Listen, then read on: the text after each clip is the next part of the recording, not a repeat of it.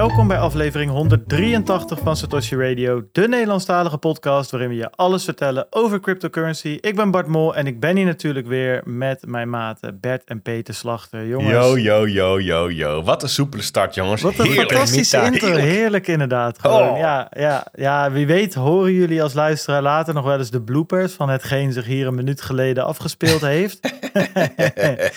maar eh, nu ging die goed. Nee, top. Ja, Lekker jongens, man. echt. Ik, ik, ehm, meestal is het Bart of Bert. Ja, vet irritant. Moet je drie keer opnieuw beginnen, vier keer, vijf keer. Ging het eindelijk soepel. Ja, en dan gooi ik weer eh, route in het eten. Was het Ja. maar goed dat je het eten ja, het gooide. was Ja. slot dat ik Ja, in het eten gooide. Dus ik, ik zat een beetje met een verstopte neus. Dus ik denk, nou, weet je wat? Ik spuit hem even open. Gewoon met zo'n neuspuitje, hè. Xylomethyli... Hoe heet het spul? Nou, zoiets. En eh, prima. Dus helemaal klaar voor. Bart, Bart drukt op record. En ik voel... Mijn rechter neusgat gaat open. En dan zat het achter. en dat kwam precies op dat moment. Dus ik denk, nou, ik zet even mijn camera uit. Dan kan ik er even wat aan doen. Maar ik was vergeten dus mijn microfoon opnieuw te zetten. Dus nou, om jullie de ASMR te besparen...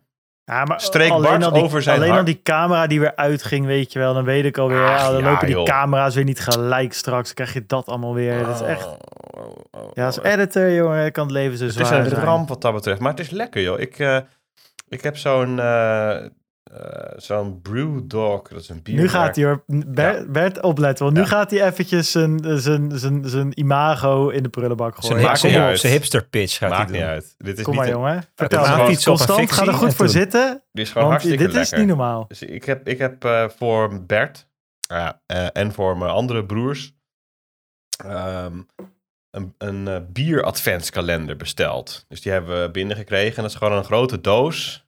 24 blikken bier erin van Brewdog. Met een kalender erbovenop. Een scheurkalender, zeg maar, is het. Alleen dan in het, eh, ja, op, op een biermanier. Dus dat haal je open. En dan komt er een blik uit. En vandaag, nummer 2, het begon gisteren op 1 december. Is het de, de, de Tony's Hopo Lonely eh, White Chocolate and Raspberry Milkshake IPA. Ja, dat is inderdaad best wel hip, maar hij is verdorie nog lekker ook. Het is een soort fruitbier, een soort Ja, hier kersenbier ga je. zo. Ja, Ja, maar als je denkt, denk- geen bierlustbier. Co- Constant, die is, nu, die is nu een gat aan het graven van, eh, van 6 bij 2 in zijn bos. Ja, maar weet je Ja, wat. Bart? Dat is maar goed ook, dan krijgt hij een keertje lichaamsbeweging. Die jongen die ziet er ook niet meer goed uit. Beetje buiten komen, beetje, beetje blosje op die wangen van, eh, van Constant. Dat is wel goed voor hem. Dit is natuurlijk wel een beetje vloek in de kerk. La, Lagunitas eh, glas. Ja, ook nog uit zo'n uit zo'n jampot glas. Met Ja. zijn met zijn Ja. met zijn turtleneck zit hier. Dit is ongekend Ja. wat ik hier voor Ah, nee, de nee, transformatie zie. Dit is, maar het is toch ook mooi? Ja, gewoon- ik vind het prachtig. Ik word er wel berig van, moet ik je eerlijk zeggen. Nou, het is zo fout dat ik er berig van word. Ja, nou ja, precies. Dan, dan op een gegeven moment raak je ook weer gewoon andermans fetish. ja, nee, ja, precies. Het is echt full 360 wat dat betreft. dat je zo ver uit mijn, uit mijn fetish-zone zit dat je me aan mijn rugje weer kriebelt, eh, Ja. zeg maar. nou, mooi toch? Ja, Dus. nou, lekker man. Ja, Nou, top. Ik hoop dat je ervan geniet. Ik heb gewoon een 0.0'tje. Eh nou, trouwens niet. Ik heb ook een lekker. Maar die zal ik, zo, zal ik hem even bijpakken anders? ja doe dat eens even. Doe ik die? Ja, wacht even. Eén seconde. Ja, dat is goed. Als we niet over, opnieuw hoeven te beginnen zometeen. Wat heb jij voor je neus staan, Bert? Ik, Oh, eh, he- ik heb hier niks, wat jongen. van het uiltje. De Super, Super Bowl. Ja, kijk. Ik heb zelfs Oh. autofocus tegenwoordig. Kijk eens, jongens. God damn. Lijkt wel een reclame, man. Ja, maar is toch leuk?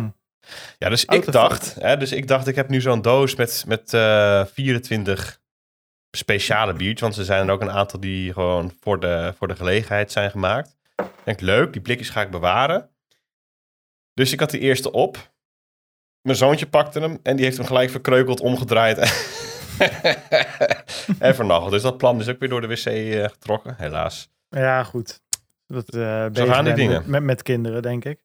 Ja, Ja. Ehm, dan denk je misschien soms had ik maar wat anders door de wc getrokken. Maar goed, dat...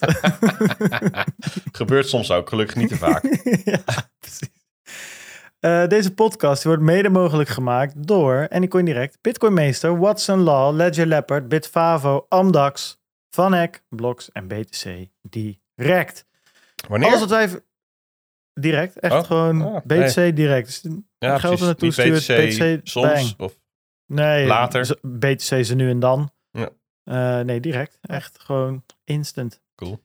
Alles wat wij vertellen is op persoonlijke titel, moet niet worden gezien als beleggingsadvies. Je ziet, Die?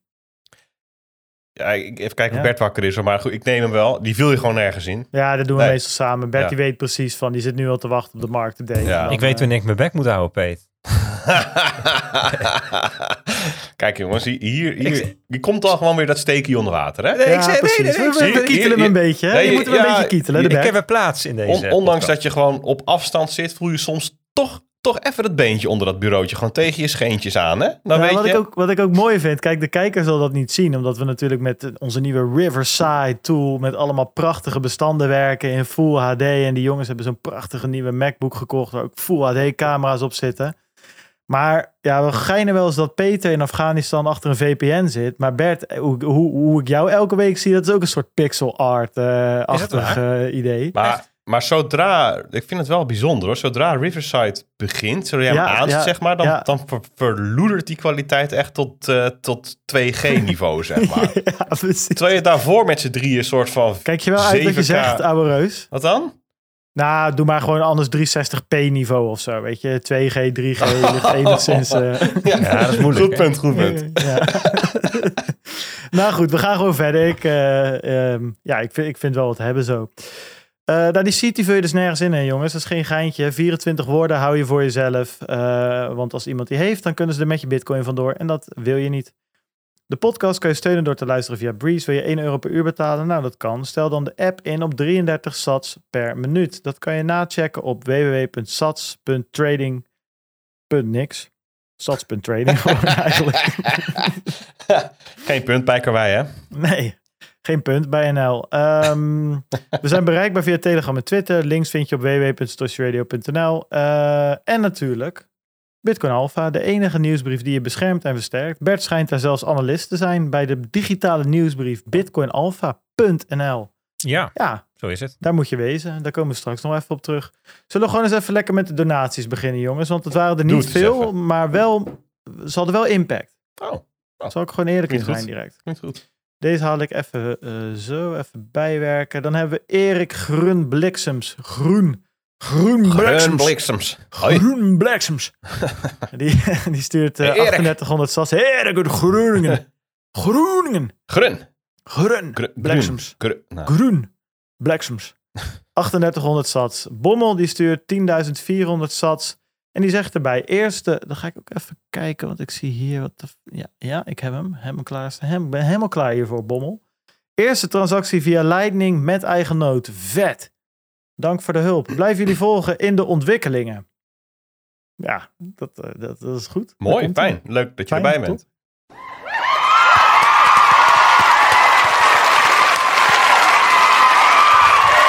Dan is het weer even opletten dat ik hem ja, op de juiste moment weer stilzet. En Bommel die stuurt daarna zelfs nog een keer 10.400 sats en zegt dit is episch. Ja, ik denk ja, dat hij gewoon wel vrolijk werd van, het- van hoe snel dat ging. ja, precies. Dat, En dat, is bordje, episch. de Ja. user experience. Gaat als een jekko. Ja. Noosvlugel, die stuurt 4000 sats en die zegt eerste transactie over Lightning. Even proberen. Spannend. En hier ga ik iets speciaals doen. Want ja, Noosvlugel, hoe moet ik nou weten of dit een eigen noot is, ja of nee? Aan de ene kant heb ik zoiets van, ja, dit is wel een beetje de, hoe zo'n donatie eruit ziet. Hè? Het volgt wel een beetje het template. Aan de andere kant, ja, het staat er niet, eh, niet in. Hè? En als auditor zeg ik dan eigenlijk weer van, ja, ja, ik geloof je wel dat je het hebt uitgevoerd. Maar ja, documentatie, aantoonbaarheid, hè, mist hier. Komt nu de, de PwC er in jou boven en dan kun je het toch gewoon goed. Ja, ja. ja inderdaad. Dan, eh, maken, dan zeg ik, ja, zo, eh, observatie. Wie, wie, Ehm, wie betaalt, bepaalt. Zoals net bij PwC. Ja, nou, nou, nou, nou, nou. Ik distancieer me hier volledig van. Ja, ik las een artikel in het FD twee, hierover. Deze, deze twee smeerlappen ken ik niet. Eh, ik distancieer me hiervan en alles moet via de woordvoerder lopen. Ik ben niet verantwoordelijk voor deze twee mensen hun uitspraken. Maar wel een noot erbij. Maar wel nooit erbij. Nee, ik zat te denken, want we hebben hierna dus Ruben, die stuurt 10.400 sats en die zegt, mijn eerste Lightning transactie is een feit. Bedankt voor de uitleg. Dus ik dacht, weet je wat? Ik tel ze allebei als noot en jullie delen dan het applaus. En dan kan je volgende week even laten weten of het nou wel of geen eigen noot Ah, dan krijgen ze nog een keer een gedeeld applaus. Dus je krijgt niet een half applaus. Dat vind ik wel een. Half applaus, weet je wel. Eentje voor Noosvlugel en eentje voor Ruben. Komt ie aan.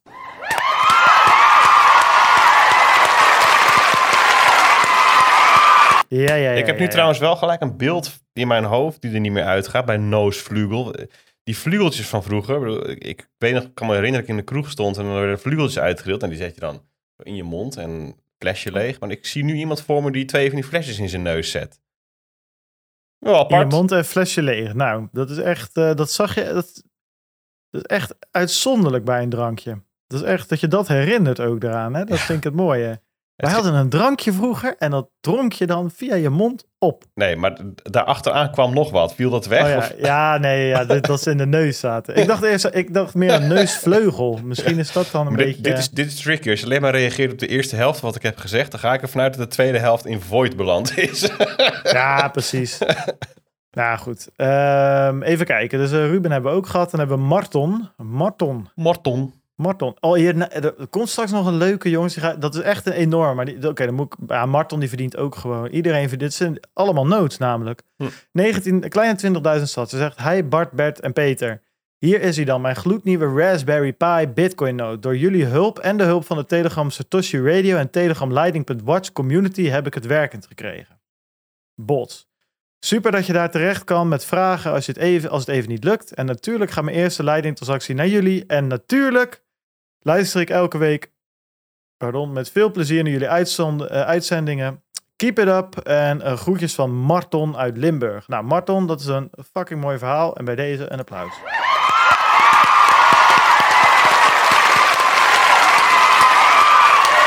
Dit eh, triggert mij eventjes, wat ik ook lachen vond. Hij zegt, natuurlijk luister ik elke week. Nou, ehm, ik zal, je hebt dus die Spotify rap dingen elk jaar, toch? Dat je, Mhm. eh, wat je hebt geluisterd en welke muziek en eh, welke nummers en hoe lang en hoeveel uur. Maar daar hebben ze nu ook, dat ze vorig jaar ook, een eh, podcast gedeelte in.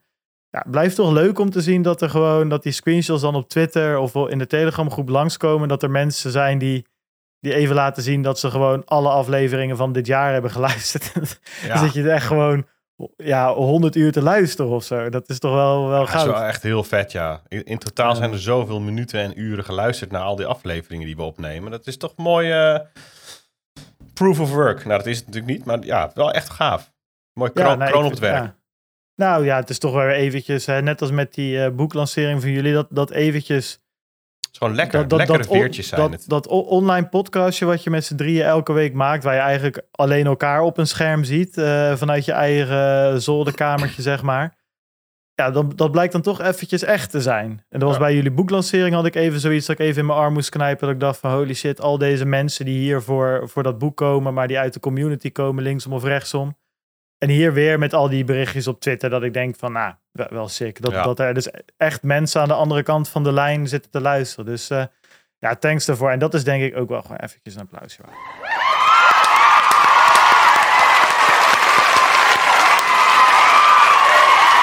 Voor alle toppers die naar ons luisteren. Eh, ja, daar komt hij. Bertje komt. Ik neem eventjes een eh, slokje.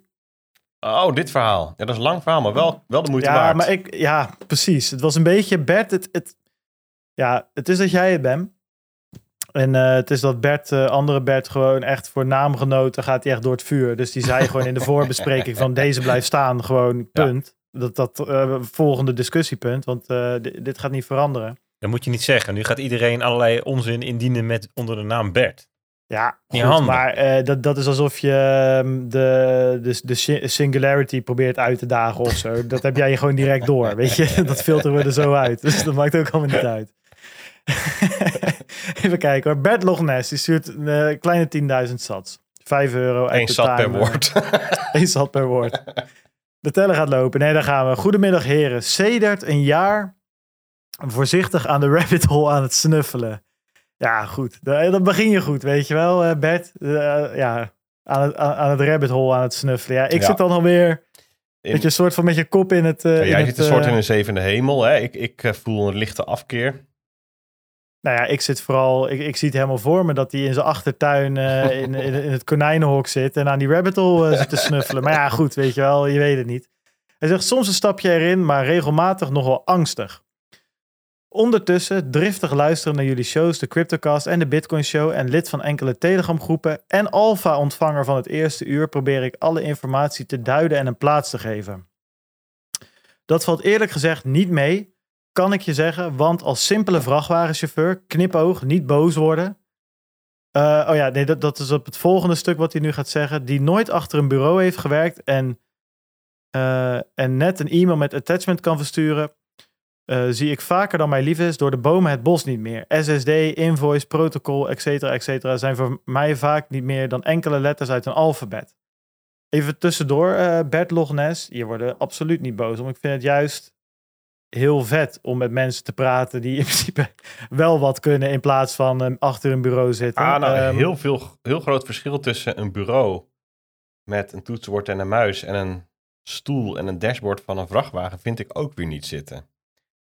Ligt er een beetje aan wat je achter dat bureau doet. Als je Nou het over eh, programmeren hebt, Concentreren en, en tools gebruiken, zeg maar, dat, dat is op zichzelf voor een bestuurder net zo. Je bent je aan het concentreren en, en tools gebruiken om, om te besturen. ja, Je zit Ctrl-C, allebei. Ctrl-V van Excel naar Excel, weet je wel. Het is meer een Ah, beetje nee, dan ik heb het niet over je werk bij PwC, hè? Nee, ja. Het- het- het- je mag je best zeggen, dat is helemaal niet erg. Maar ik snap niet waar, waar het opeens deze aflevering, dit bombardement... eh, Waarom nou ook ja, niet? goed. Ik bedoel, Nee, soms, ja, precies. Maakt ook allemaal soms geen moet het uit. gewoon even kunnen. We gaan terug naar Bertje Lochnes. En toch knaagde het al een tijdje dat ik niet meer deed of kon dan de koers checken. Dus onlangs maar eens de stoute schoenen aangetro- schoentjes aangetrokken. Hij, hij, hij, hij schrijft ook als Bert. Zie je dat, Peet? Schoentjes. Ja, Ja, de schoentjes aangetrokken. komt nog een kopje koffie, denk ik. ja. Het is, Betty zit inmiddels in een soort van eh focusmodus. Die, die, de- ja, daar krijgen we er niet meer uit. Sinds enkele uren draait hij, zegt hij. Mijn enige, mijn eigen bo- bovenste beste super duper umbrel full note. Being my own bank vind ik best spannend en ik zal nog best tegen dingen aanlopen of ergens om raad vragen. Daarom heb ik voor nu geen vraag, behalve dat ik graag wens dat jullie doorgaan met dit prachtige werk. Zowel jullie drieën als de andere technici binnen deze fantastische community. Keep up the great work en dank voor jullie podcast waar ik iedere week achter het stuur stevast naar luister. Nou, dat vind ik Nice. geniaal. Dat je Ja. dus, Heerlijk. nou ja, net als wat ik net zei, dat je dus ja, goed, Dat is in de auto een, na- vrachtwagenchauffeur kan, kan zien en dat je misschien denkt van, hey, Ja, maar in dit, die cabine, dit gaat van met de vlam in de pijp. En dan, Ja. dan komt Satoshi Radio daar gewoon achteraan. Ja, precies. precies. Eh, maar hij zegt dus ook nog: eh, naast heldere duiding en uitleg over de ontwikkelingen en gebeurtenissen, geniet ik van de ontspannen en grappige snaren die jullie stevast kunnen raken. Soms moet ik zo hard lachen dat de tranen over mijn wangen rollen. en ik Nice. blij ben, bij wijze van spreken, dat ik niet bijna tegen een boom geknald ben. Greets uit Den Haag, laters van Bertje Lognes. Ja, Bert, Ja. even deze keer, de vorige keer bij Stijntje waren we het vergeten omdat we zo met dat verhaal bezig waren dat we dachten dat we al applaus hebben gegeven. Daar hebben we van geleerd. Bert, daar komt hij direct voor jou en je vrachtwagen.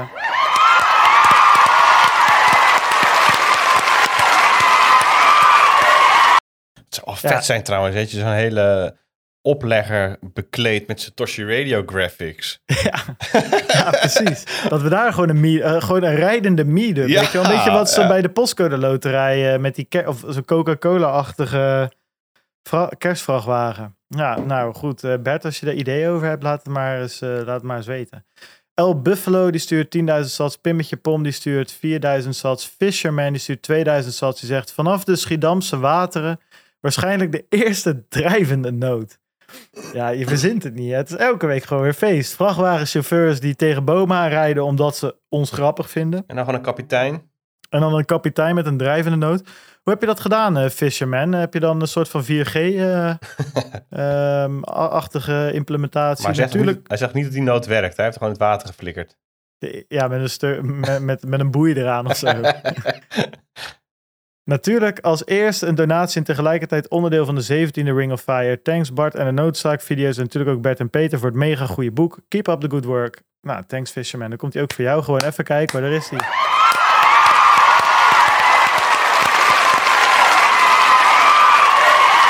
Een drijvende nood, ja, dat was sick. Maar misschien is het een woonboot. En daar kan ik me voorstellen dat je gewoon een soort ethernetkabel. Dat gewoon zou een soort, kunnen. gewoon ethernet hebt. Mark uit Limburg, die stuurt helemaal niks. Dan weten we dat het goed zit. Hij stuurt Oh, een eurotje Hij stuurt natuurlijk. hè? 2000 sats. Ja. Nee, een euro. Marx is- de enige die het voor elkaar krijgt om eurotjes te sturen Oh. over het leidingnetwerk. Ja. Moet hij toch eens vertellen hoe hij hoe die dat doet? Hoe hij die Fiat Gateway gebouwd heeft zonder eh, KYC en zo. Hij is de enige. Ik weet ook niet hoe het kan. Eh, Matthijs die stuurt 2000 zat en die had een hele leuke vraag. En ik zag dat Peter die helemaal tot in de puntjes heeft uitgewerkt. Daar komen we zo op terug. Dan komen we op de statistieken. Eh, vorige week 200.000 sats, 105 euro, 4 notes erbij. Deze week 88.000 sats, 44 euro en 6 notes. Nou, daar ben ik hartstikke tevreden over. Laat die notes maar lekker doorlopen, jongens. Dat Ja. is echt ehm, eh, heel tof. Connect the World zeggen we ook wel. De nieuwe podcast ook. eh, onder de Stussy Radio vlag van Stefan Edward. Natuurlijk Laptopman en eh, Ramon en Jury en Stijn die er ook flink aan mee hebben geklust. Daar kom ik straks nog even op terug, want daar heb ik een fragmentje van. Dat is ook wel lachen. Hey, maar Bart, Ja, is, is, is je floor model nog intact met die 44 euro van deze week? wat zeg je? Of je floor model nog intact is? Mijn floor model? Floor model. Mijn floor model. Mijn floor model ligt heel laag hoor, Ja. kan ik je vertellen. nice. nee, ik, eh, mijn floor model is nog intact. Nee, ik, mijn floor model zit meer... Als we echt meerdere weken nul notes hebben, dat zou, dat zou mijn floor model zijn. Dat we echt... eh, Dan hebben we wel echt een bounce nodig op de 1. ja, ja, maar dat, daar, daar is echt veel support. Ik heb zelf nog vijf van die Raspberry Pi's liggen, dus dan eh, nou ja, sluit ik ze zelf wel aan. je beschrijft de koers van, van menig cryptovaluta. Nou, daarom. Precies. Ja, inderdaad. Ja, ja. hey jongens, Bitcoin Alpha, de enige nieuwsbrief, hè, die beschermt en versterkt. Waar stond dat verdomme niet in dat... Oh ja, wel. Dat stond er wel bij. Oh, ho, ho, ho, ho. Ja, het is mezelf. te worden ik- gelijk? Ja, tegen mezelf. Tegen mezelf. Ja, mag. Het is gewoon tegen mezelf. Eh, vorige week 566 alfa's die met prachtige glanzende lokken door de straten paraderen. Eh, deze week weer 11 erbij, net als vorige week 577. En dat betekent dat we dit jaar nog die magische grens eh, van 600 aan zouden kunnen tikken. Nou, wil je daarbij zijn? Wil je erbij horen? Wil je elke week zo'n dikke, vette Alpha Roundup, de, de, de, de wekelijkse samenvatting, ehm, inclusief markt-update van Bert, alle nieuwtjes, podcast, tips, de hele mikmak op je digitale deurmat hebben, elke vrijdag. Nou, dan eh, kan dat eh, op bitcoinalpha.nl. Schrijf je in, probeer het een keertje en eh, kom bij de club. En op bitcoinalpha.nl staat ook de roundup van vorige week open voor iedereen. Ja, we- en nog twee andere artikeltjes, toch? Ja, en twee andere ook. Die, die, die stonden al een tijdje open. Dat waren namelijk eh, artikelen die ik ook gewoon ehm, maatschappelijk belang vond hebben. Namelijk eh, de analyse van het rapport van de Nederlandse Bank. Hè. Die hebben in september ehm, het najaarsrapport over financiële stabiliteit. En die hebben wij helemaal uitgeplozen en samengevat en vertaald van het centrale banks naar het Nederlands. En dit is denk ik een heel belangrijk rapport geweest, omdat het, en dat ja, we zagen dat natuurlijk al een klein beetje aankomen, maar dat, dat beschrijft eigenlijk de ernst, de ernst van de situatie waar we in terechtgekomen zijn, nu we 0% rente hebben en 5,6% inflatie in Nederland. Dat was een, loop een beetje vooruit, ik weet niet of het bij het nieuws erbij staat trouwens, maar dat, de HICP-cijfers weliswaar, maar goed, Nederland, Duitsland, Amerika, groot gedeelte van Europa, tussen de 5 en de 6 procent inflatie. Dat betekent ehm, ja, dat, dat, dat, dat, hè, dat is ehm, een, een, hele lastige, een hele lastige plek voor wat moet je daarmee als baas van de economie. Nou goed, daar ging het over en daar hebben we toen ehm, het over geschreven. Dus die staat open en een andere die Ja. open staat is een eh, stuk over Tether. En dat is dan, dat was echt een, het is echt een, ja, gewoon een hele stevige introductie in wat zijn nu eigenlijk stablecoins? Wat is nu eigenlijk het probleem van Tether? Hoe groot is dat probleem nu echt? En, en maar ook, kijk, en dat, dat was vooral wat ik heel belangrijk vond, de dynamiek van het probleem. Want heel vaak wordt er naar de sta, een statische analyse gegeven van hoe is het nou op dit moment? Hè, dus dan gaat het om, ehm, nou, nu heeft Tether zoveel, hè, zoveel miljard dollar en ehm, zoveel dekking als reserve. En, maar het, maar het in- interessanter vind ik, hoe, hoe ziet nou de ontwikkeling eruit? Wordt het aandeel Tether nou groter of kleiner? Hè? Dus ehm, wordt het probleem groter of kleiner? Ehm, wordt die dekking nou beter of slechter? Dat zijn eigenlijk veel, veel belangrijkere ehm, eh, eh, signalen dan alleen maar hoe het nu is. En want als het probleem namelijk al uit zichzelf heel veel kleiner aan het worden is, dan hebben we een heel ander vraagstuk. En als het probleem eigenlijk uit de hand aan het lopen is. Nou, dat is dat tweede stuk. En dan hebben we dus een roundup. De roundup van vorige week hebben we ook opengezet. Dus iedereen kan ook nu gewoon eens even kijken wat we nou uitvogelen. Als je denkt van joh, ik ben gewoon heel benieuwd. Dus dat, eh, die wilde ik er nog even tussendoor Ja, gooien. nee, precies. Dus eh www.bitcoinalpha.nl. En al die 577 mensen die al, ons al maanden eh, door dik en dun steunen. Ook daar, jongens, echt en meiden. Mannen, vrouwen, opa's en oma's, whatever. Helikopters, deuren, maakt niet uit hoe je je identificeert. Eh, we zijn jullie allemaal stuk voor stuk dankbaar. Want ja, dit helpt toch eh, in onze droom om eh, in die crypto bitcoin business gewoon zelfstandig aan de slag te gaan. En dit is daar een groot onderdeel van. En we vinden het heel leuk om te doen. Ja, dat is het ook wel, ja. Gewoon, worden gewoon door honderden mensen gesteund om eh, hier gewoon ons ding te kunnen doen. Ja, precies. Ja, allemaal bazen eigenlijk. precies. Baas, bitcoin zou dat ook kunnen heten. Bitcoin, bitcoin bosses. Ja. Bitcoin, Baas. bitcoin Ja. bazen. Bitcoin. Bitcoin, bitcoin een baas. Ja. We willen een baas van de bitcoin. Wie is de baas van de bitcoin die wil ik spreken? Ehm Mijn kooi zijn minder waard. Ehm, hey, eh, jij wilde, jullie wilden graag nog, eh, no- ja, Oh, dat doen we zo wel. Laten we eerst even naar eh, Matthijs en luisteraarsvraag gaan. Oké, oké, oké, oké. oké. Eh, Het is mij om het even. Eh, zal ik, Ik hem, zal, weet ik je, zal hem pak, even pak doen. jij hem gewoon ik zal hem helemaal wel op. even doen. Ja, Matthijs precies. had een vraag over de Bitcoin broncode. Die zegt, ik zat ineens te denken, Bitcoins broncode staat op GitHub.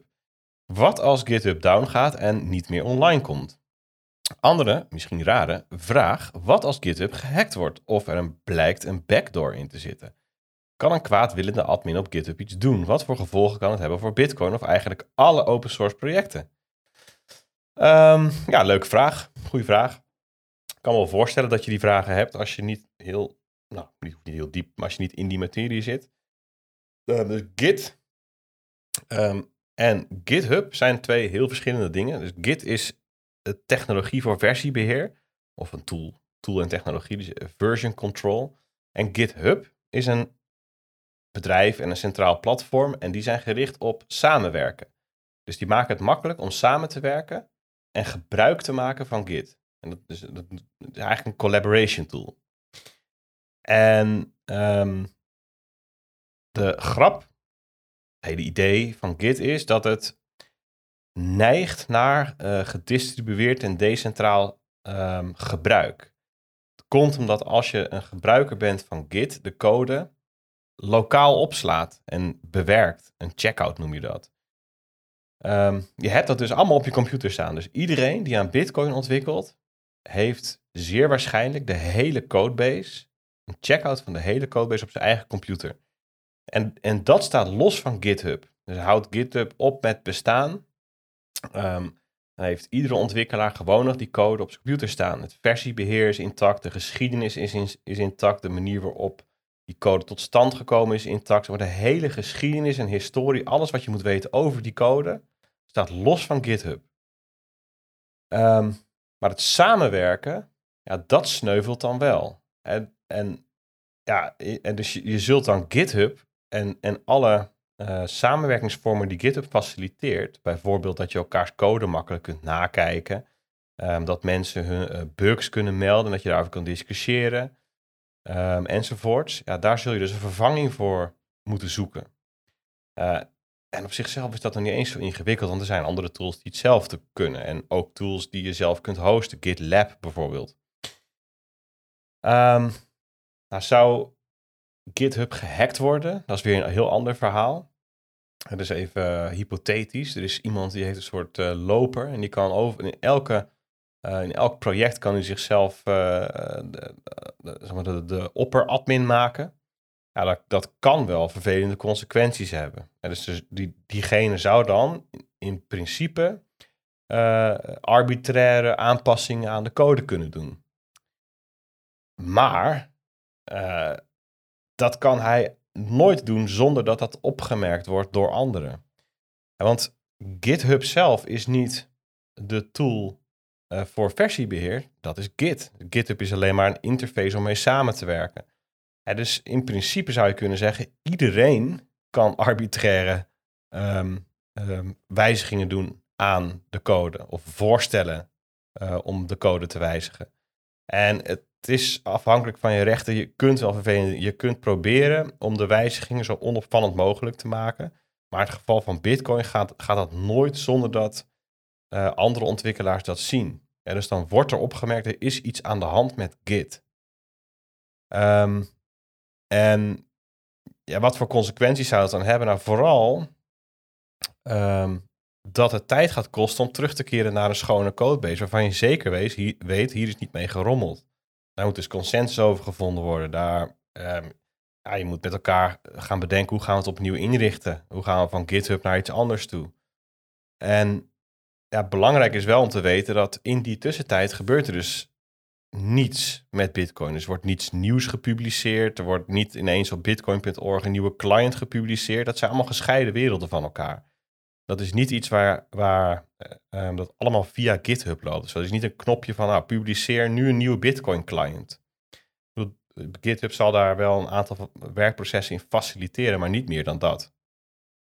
Um, wat, ik nog wel geinig vond van Git en blockchain, is dat die best wel op elkaar lijken.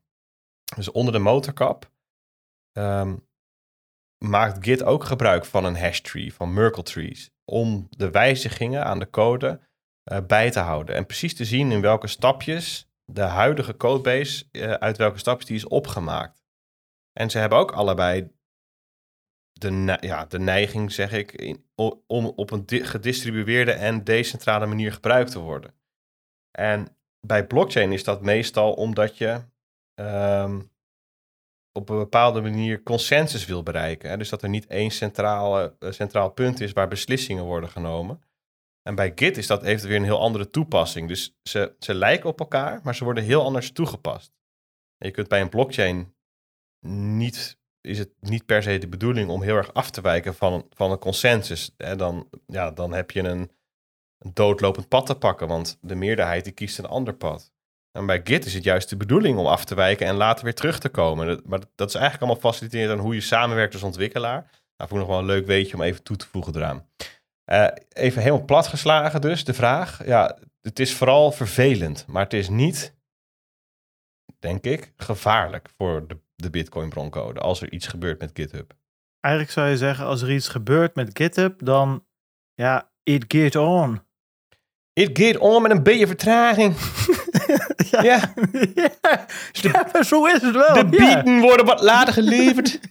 dat is alles. Ja, zo, zo is het ook, Peer. Dat is ook waar. Dat komt gewoon wel goed. Matthijs, maak je niet druk. ja, ja, zo is het. Daar hoef je dus niet druk over te maken, jong.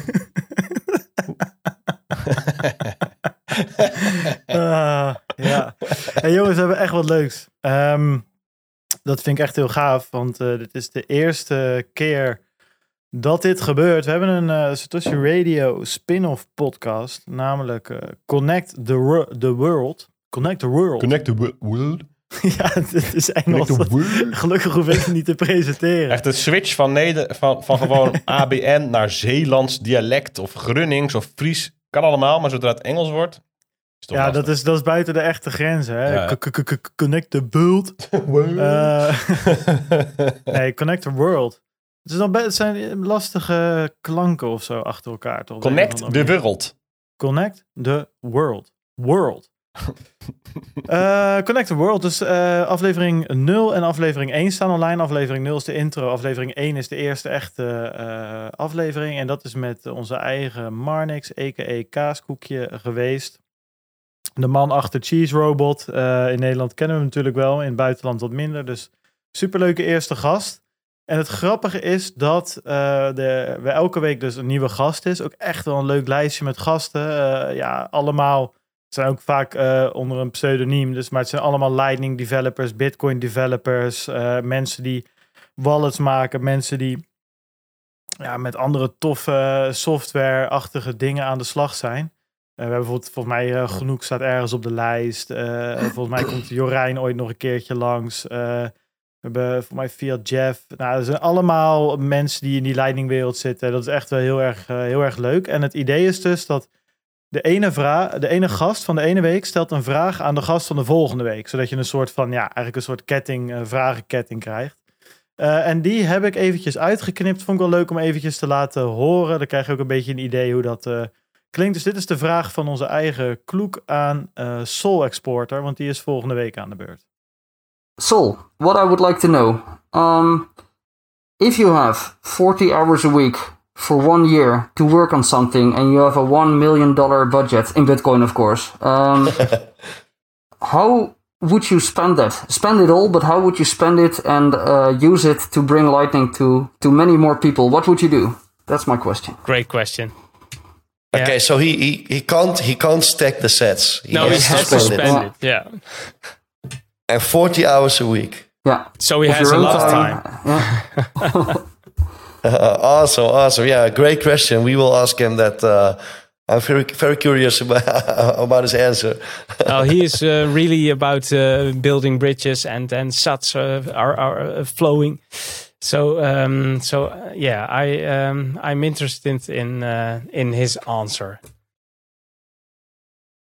Ja, Ja, wij, dat is wij een- ook. Wij, wij ook. ook. Dus ik ga volgende week gewoon luisteren. Ja, ik edit de podcast ook. Dus dat, eh, dat, eh, dat gaat wel goed komen. Nee, het wordt echt, eh, Hey, eh, hey, maar- echt heel leuk. Kunnen, ze, kunnen die man dan ook even vragen waar die nickname van hem vandaan komt? Want ik vind Soul Exporter wel een beetje luguber, eerlijk gezegd. Ja, klopt. Jij bent echt een beetje eh, op nickname eh razzia de afgelopen week. nou, ik roep mensen graag eh, wat dat betreft even ter verantwoording. Ja. ja, we, die- zullen, we zullen niet het eh, dossier Blakapim weer Nee. openen, want ja, dat is eigenlijk ja, gewoon een die, beetje... smeer, die smeerlap trekt gewoon...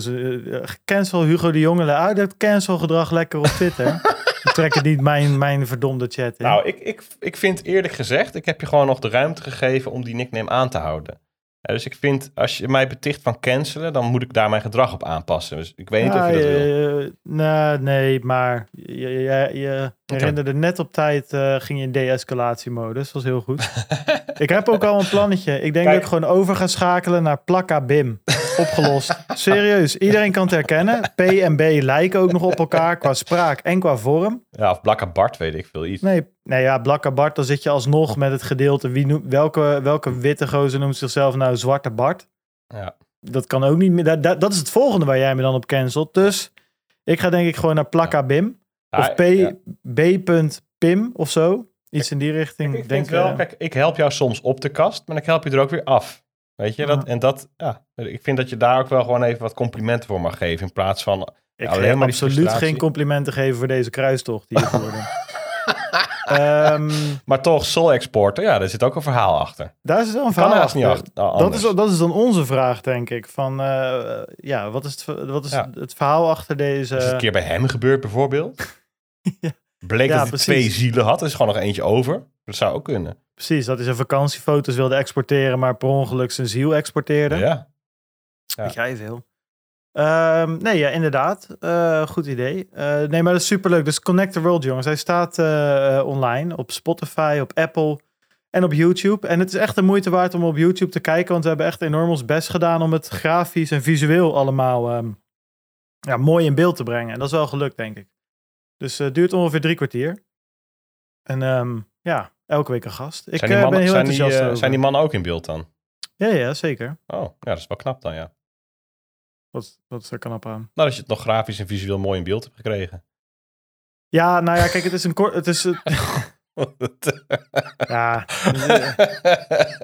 Ik kan helemaal niks met deze gozer.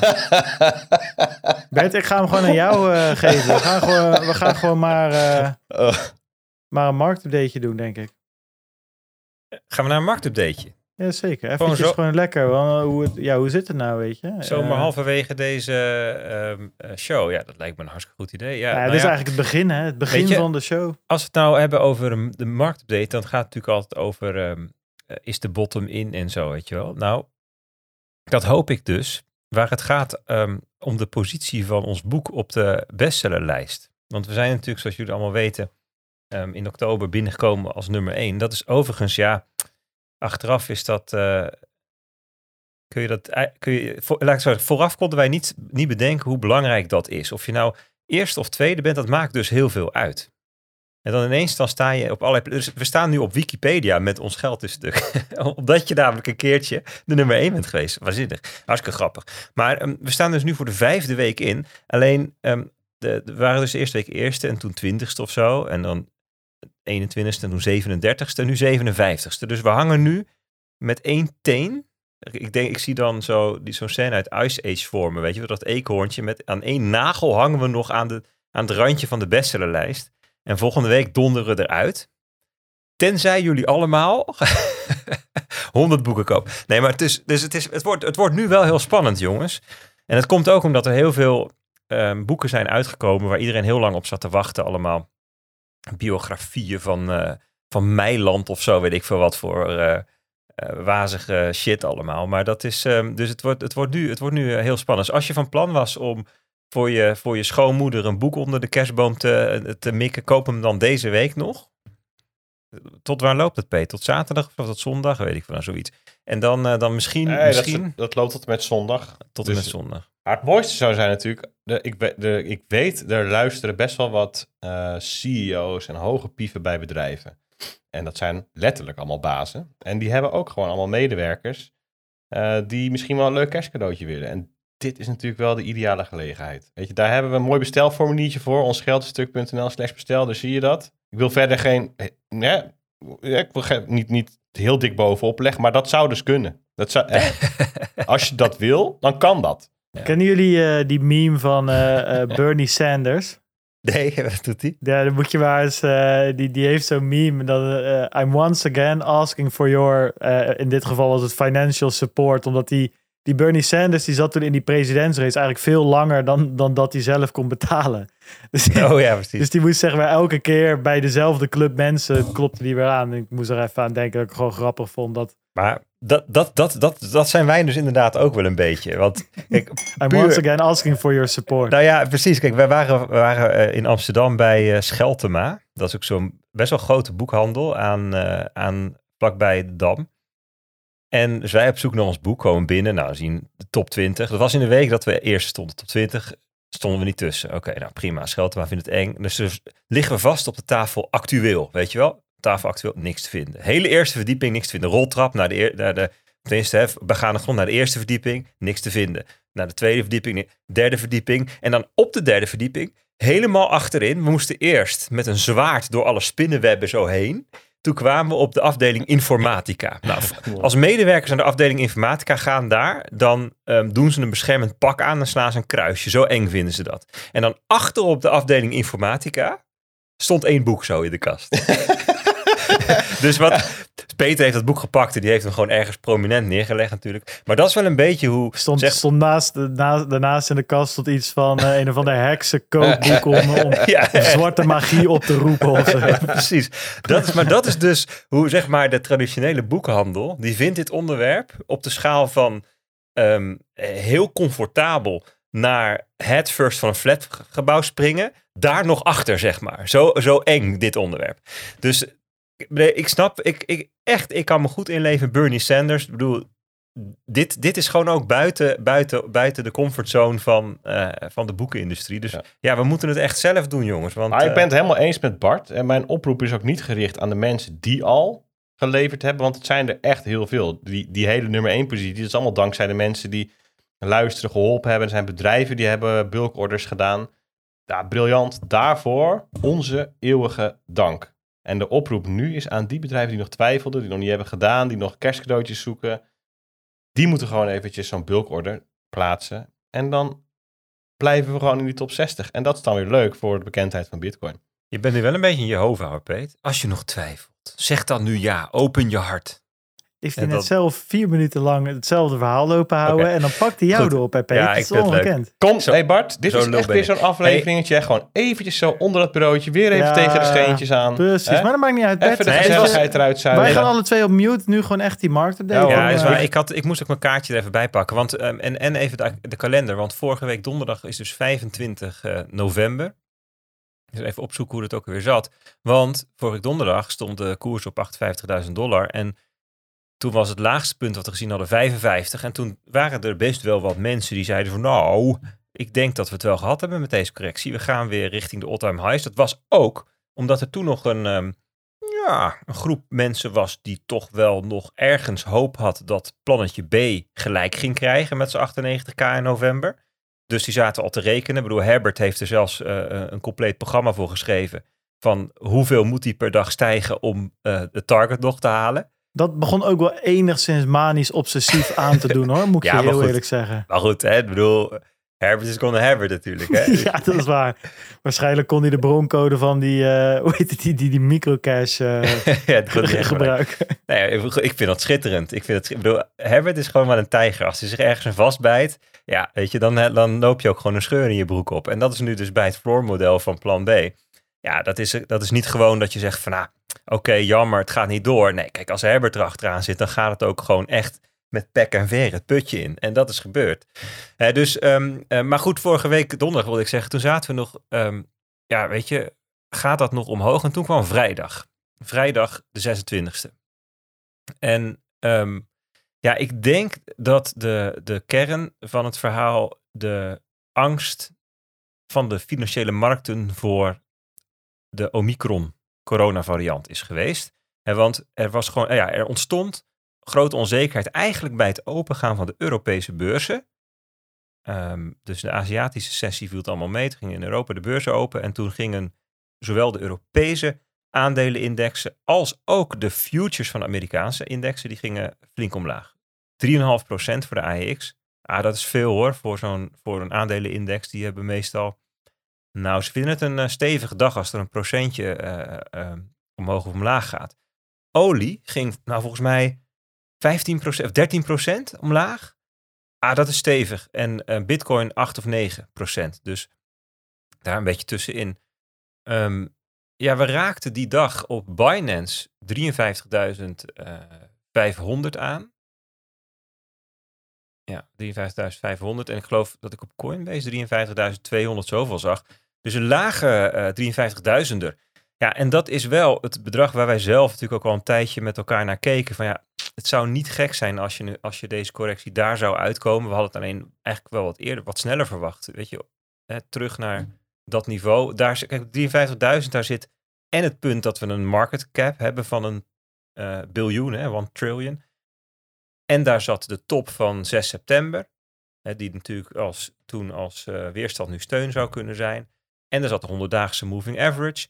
Weet je, er zaten een aantal redenen waarom dat helemaal geen gekke target zou zijn. Maar de gedachte was ook, ja, als iedereen daarnaar zit te kijken, dan gaan mensen dat frontrunnen en dan kom je er nooit terecht. Dus misschien was het hem wel op 55, maar het is dus toch, we zijn toch daarheen gegaan. Ehm, oh ja, ja, precies. Op 28 november, dus dat was eh, zondag, hebben we inderdaad 53.200 gezien nog. Ja, en toen, toen werd de sfeer, het sentiment, werd toch wel een stukje negatiever. Hè? Dus je hebt die, die, die eh, Fear and Greed Index, hè? De, de angst en gretigheid of hebzucht index. Die stond weer helemaal eh, in het rood in eh, extreme fear. Mensen toch wel heel, heel bangig van, nou ja, hè, alles is over. Wat dat betreft is het ook, zijn die markten zo nog schitterend, joh. Die, die, die wapperen heen en weer tussen ehm, eh, morgen 400k eh, of bitcoin gaat naar nul. Er zit echt heel weinig tussen. Het is echt een soort ja, bipolair. En daartussen daar zit een soort van korte Nou, dat lijkt een beetje op mijn eh, Spotify rap. Ja, ik Daar wilde net eh, zeggen. Daar stond van Bart, jouw favoriete muziekstijlen zijn hype, Hype? en ehm, eh, wat was het? Shit, ja, ik wacht, pak hem even bij. Hype en, Iets- en iets- under, under the weather of zo, weet ja, je wel. depri- ja, hype en neerslachtig. Neerslag- neerslachtig, ja. mooi. Maar dat is dus, ja, je wat dat betreft lichaam jij de, de, de cryptomarkt. Maar goed, de financiële markt in het algemeen werken natuurlijk zo. Maar goed, dit was niet echt een bitcoin-ding dus, maar meer een macro-ding. Dus de macro-economische omstandigheden, die waren ja, gewoon wel turbulent. En dat blijven ze ook. Hè? Dus deze week, we hadden het net in, in het begin al eventjes over, deze week zijn er dus inflatiecijfers bekendgemaakt. Eh in, eigenlijk in heel Europa, over de hele linie, alle landen lopen de infla- loopt de inflatie verder op. Duitsland kwam eerst al met 6,0% volgens de HICP. Duitsland ehm, zit een bijzonderheid omdat zij in 2020 eh, een half jaar lang tijdelijk een lagere BTW hebben gehad. En dat is per ehm 1 januari dit jaar weer terugverhoogd. Dus dat zit er nu nog in als basiseffect. Die loopt er na volgende maand uit. Dus er zou een procentje af kunnen.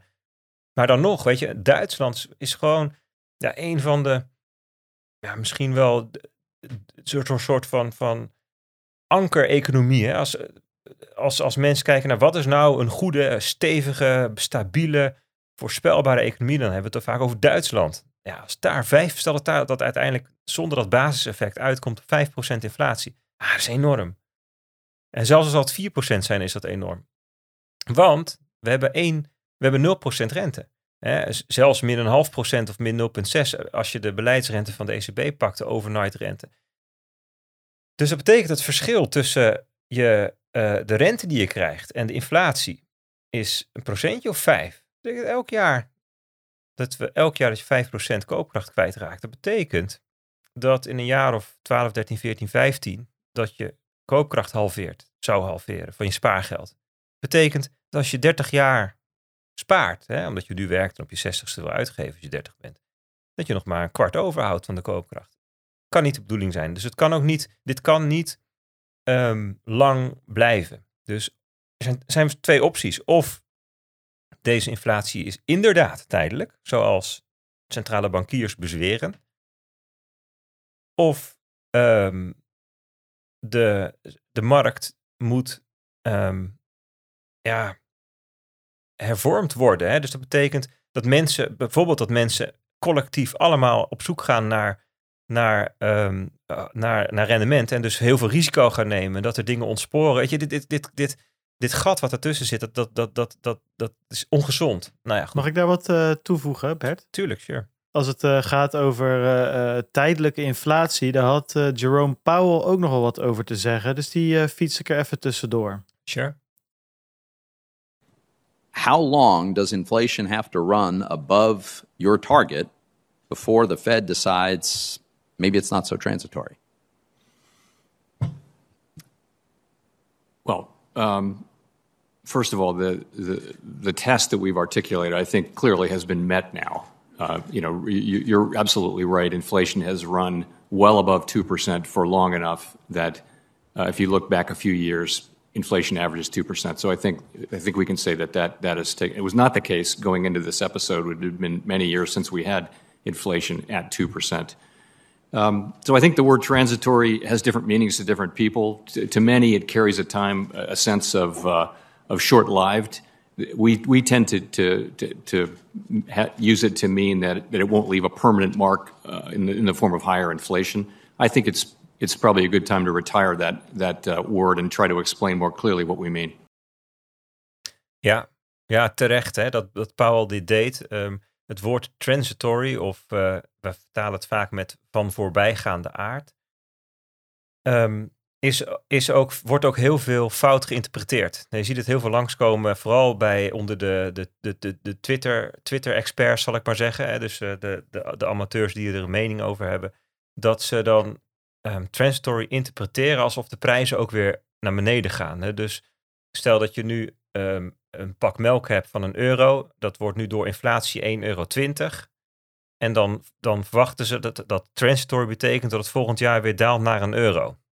Dat, dat, dat, dat zie je natuurlijk met, soms met benzineprijzen. Hè? Dus de, de olie is duur, dan gaat de benzineprijs omhoog. Olie wordt weer goedkoop, de benzineprijs gaat weer naar beneden. Ehm, dus de, de definitie van transitory, wat centrale bankiers stemmen, da- hebben, is dat dat die inflatie, dat die, dat die prijs, dat het prijspeil niet weer daalt, maar dat de, de, de inflatie die je nu ziet, dat die weer teruggaat naar een lager niveau. En dus dat de jaarlijkse prijsstijging niet zo hoog blijft als die nu is. Dat is wat transitory in hun taal betekent, maar omdat het zo vaak verkeerd geïnterpreteerd wordt, zegt hij van ja, misschien moeten we dat woord maar gewoon niet meer gebruiken, maar gewoon op een andere manier proberen uitleggen wat wij nou bedoelen. Namelijk dat, dat die inflatie, hè, dus de, de prijspeilstijging die we elk jaar zien, die willen we graag op 2% hebben.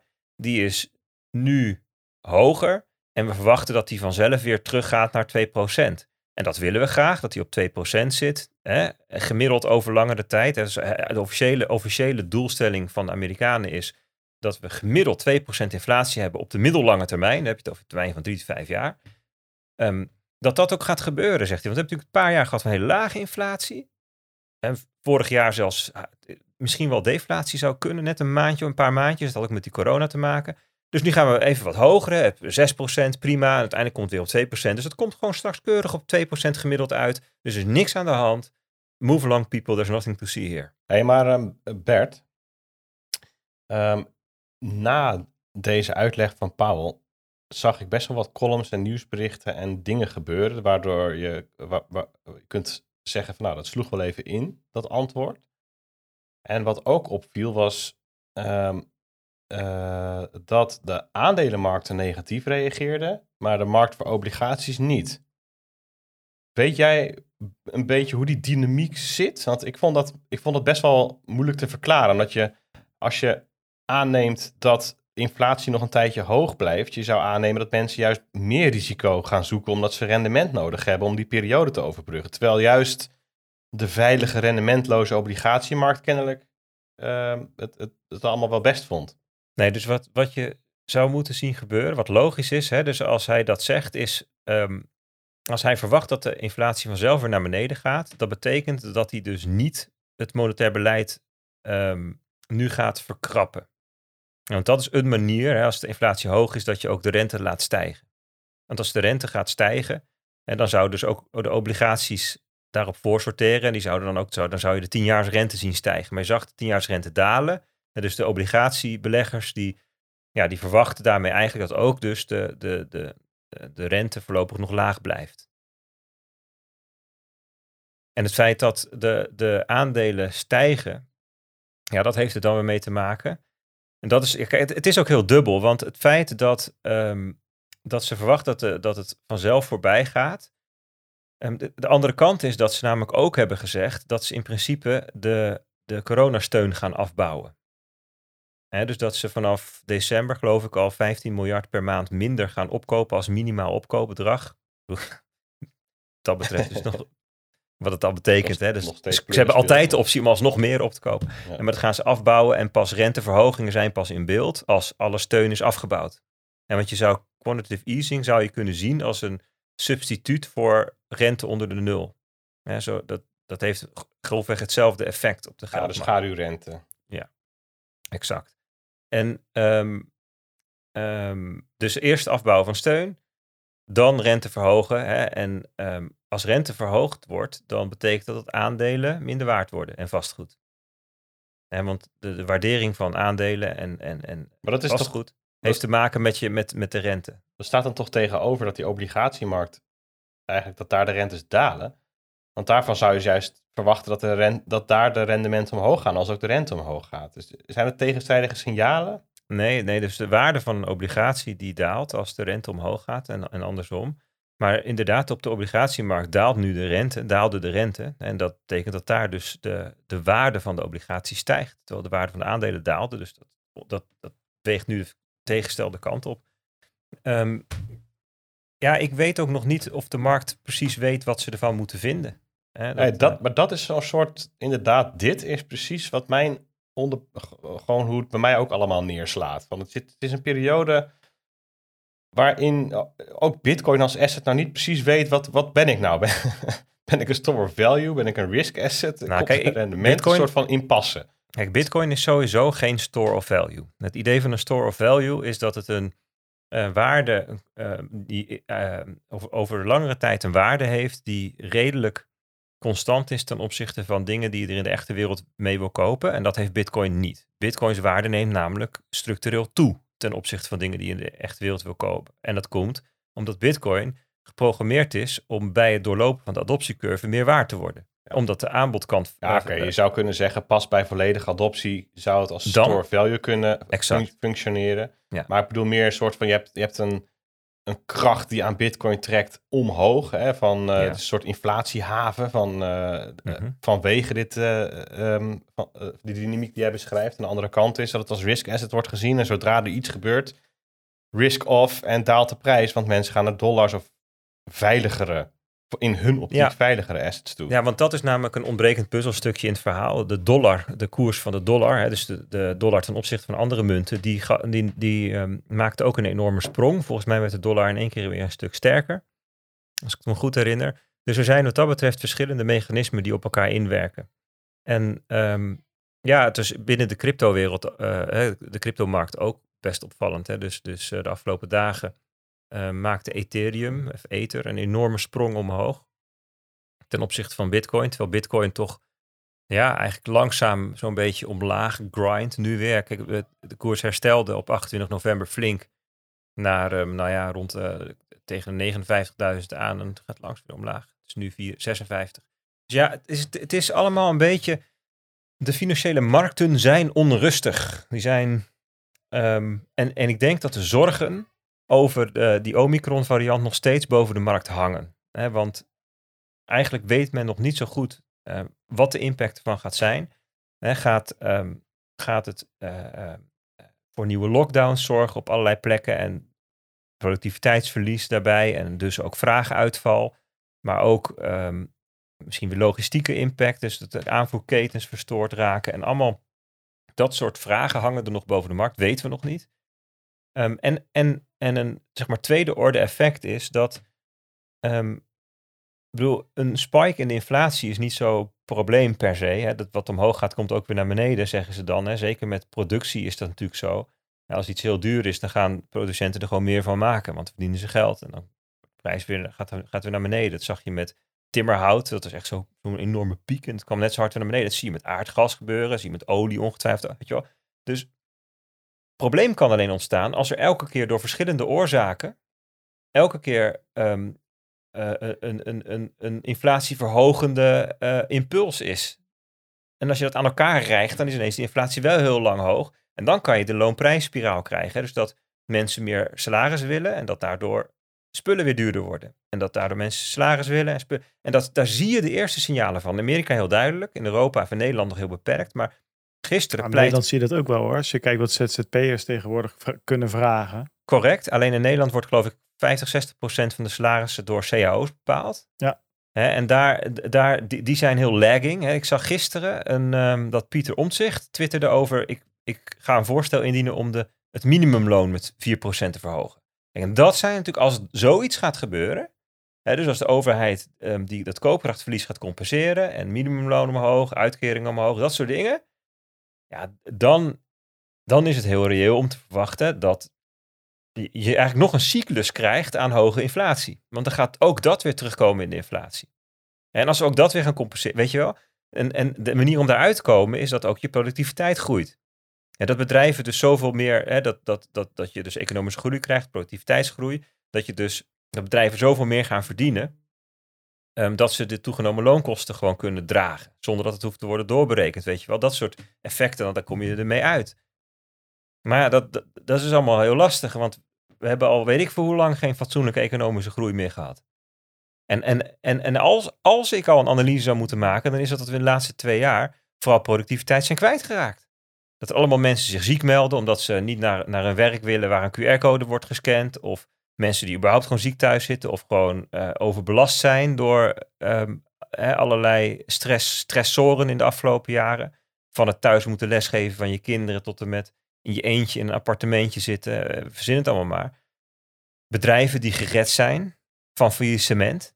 En terwijl ze eigenlijk helemaal niks zinnigs meer doen in de economie, toch in leven worden gehouden. Dus ik zie dat niet zo snel gebeuren, die productiviteitswinst. Dus ik, ja, ik weet het niet hoor. Ik, ehm, ik weet niet of het liedje waar ze nu bij het 25ste couplet zijn aangekomen van die inflatie, die, die gaat wel weer terug omlaag. Ik weet niet of het liedje klopt. Maar goed, we hadden het even over, we hadden het over bitcoin. Ja, Plan- ik, ik heb nog wel even, dit, dit is misschien wel een mooi momentje om even een, eh, een vraagje aan Bart en Bert te, te stellen. Zitten jullie in team tijdelijk of in team permanent? Ik, ik zit in team langdurig.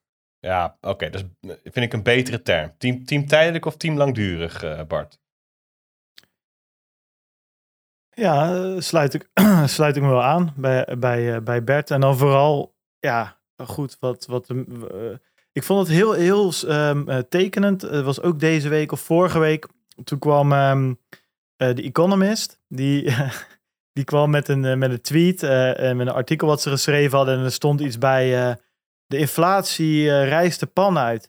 Waarom zag niemand dit aankomen? En daar ging natuurlijk Bitcoin Twitter mee aan de haal met allemaal retweets van vorig jaar. Toen we natuurlijk allemaal die geldprinter gifjes aan het sturen waren, weet je wel. eh, ehm. en en, en daar, daar, daar zit ik nog steeds een beetje bij. Kijk, precies wat Bert zegt. Ik denk dat heel veel dingen op een... Ja, het ligt er ook aan hoe langdurig die pandemie is natuurlijk, hè. Ik bedoel, eh, als dat nog drie jaar duurt, ja, dan komen die supply chains ook een stuk moeilijker weer op gang. Maar stel dat we dat onder controle krijgen, dan zullen veel dingen, denk ik, gewoon weer enigszins teruggaan naar hoe ze waren. Maar het feit blijft wel dat, eh, dat volgens mij de balance sheet van de Fed, balance sheet van de ECB zo ongeveer verdubbeld zijn in een jaar. Ja, goed, dat, dat, dat trek je niet zomaar weer recht. Ehm, dus goed, dat is mijn, mijn achtergrondgevoel er een Ja. beetje bij, waar dat vandaan ik, komt. ik las een kolompje van Corné van Zel hierover. En die zei, ik, ik zit nog steeds in het kamp tijdelijk. Eh, maar voelde zich daar wel steeds, ehm, eh, zeg maar, het werd daar steeds stiller. Ehm, maar hij noemde bijvoorbeeld de, da- de, de daling van de olieprijs ehm, als, als signaal van dat misschien de ergste prijseffecten vanwege de e- oplopende energieprijs in het eerste kwartaal van 2022 al gaat verdampen. Ehm, hij had het over normalisatie op de halfgeleidermarkt. Eh, dus de, eh, Chiptekorten. ja, dus dat er eh, dat, wanneer, chiptekorten dat? afnemen. En dat zie je bijvoorbeeld ehm, eh, aan de, de, de, de omhoog bijgestelde winstverwachting van, eh, van GM, General Motors. Weet je, die, geeft daarmee aan en we kunnen eindelijk onze auto's gaan afbouwen. En ik geloof ook dat Apple heeft gezegd, we gaan minder iPhones leveren. Of nee, er zijn minder iPhones besteld. Zeg maar daar, die dynamiek verandert. En dat heeft dan weer invloed ook op de tweedehands wel- automarkt enzovoort. Eh, daar, wat ik daar nog aan toe wil voegen, wat ik ook las, eh, ik zal het heel kort houden hoor, maar dat dus heel veel van die eh, automakers, volgens mij Ford was dat, die gaan gewoon zelf chips produceren. Althans, dat hebben ze nu uitgesproken dat te willen doen, omdat ze dus helemaal niet meer afhankelijk willen zijn van die, van die eigenlijk drie spelers op de chipmarkt. Vond ik ook wel interessant. Het is ook weer zo'n derde, vierde, vijfde orde effect naar aanleiding van die tekorten. Ja, het schijnt dan Lees ook wel een goed jaar heeft gedraaid daarom.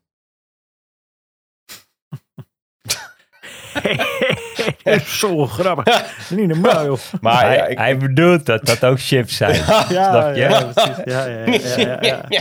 Eventjes tussen. Dat is, dat is gewoon voor de vrachtwagenchauffeur. Even een traantje. Ik vind dat heel denigrerend. Even lachen. Echt Nee, ontzettend Bert. Ness die wil gewoon even met tranen over de wangen. Ja. Nou goed. Ik denk en dat je ik kom graag naast Bert zitten hoor. Wat? Ik hoop dat ik een keertje langskomt met zijn vrachtwagen. Dat zou vet zijn. Ja. Een keer meerijden. Ja, Maar precies. ik ben, ik, ik, ik ben het wel overigens met eh, de, ehm, denk toch wel de meerderheid van de, in ieder geval de economen die zich met prijzen en CPI en zo bezighoudt. Eh, Peter Hein van Millig is daar vrij, ehm, hoofdeconoom van CBS is daar vrij eh, expliciet over, dat de onderstroom deflatoire is. Hè? Dus, het, eh, dus zeg maar demografisch, dus de vergrijzing, ehm, globalisering, automatisering, dat we met robots steeds meer doen. Ehm, dus technologische innovatie, hè, dat, dat steeds meer van, eh, gedematerialiseerd wordt, zoals Michael Saylor dat noemt. Dat die, die onderstroom is, is, is in essentie deflatoire van aard. Hè? Dus ehm, we, we moeten eigenlijk ons best doen om ehm, dat boven nul te krijgen. Hè? En dus, dus diensten gaan een steeds groter deel uitmaken van waar we geld aan uitgeven. Hè? Want spullen kun je steeds goedkoper of slimmer of zonder materiaal maken. Maar ja, wat als je op een gegeven moment ook diensten kunt. Ehm, hè, dat je de mens uit de dienst kunt halen, doordat je robots kunt gaan inzetten, zo weet je wel. Dus ehm, ik- denk dat in de komende decennia ja, de onderstroom, de, dat, er een sterke deflatoire kracht is die de ene kant optrekt. Ja, en, en, en nu zie je dus dat er allerlei effecten zijn die, die, die, die de inflatoire kant optrekken. En die winnen nu. Maar dat die, ja, als die tijdelijk zijn, dat het uiteindelijk weer naar lager gaat, toch?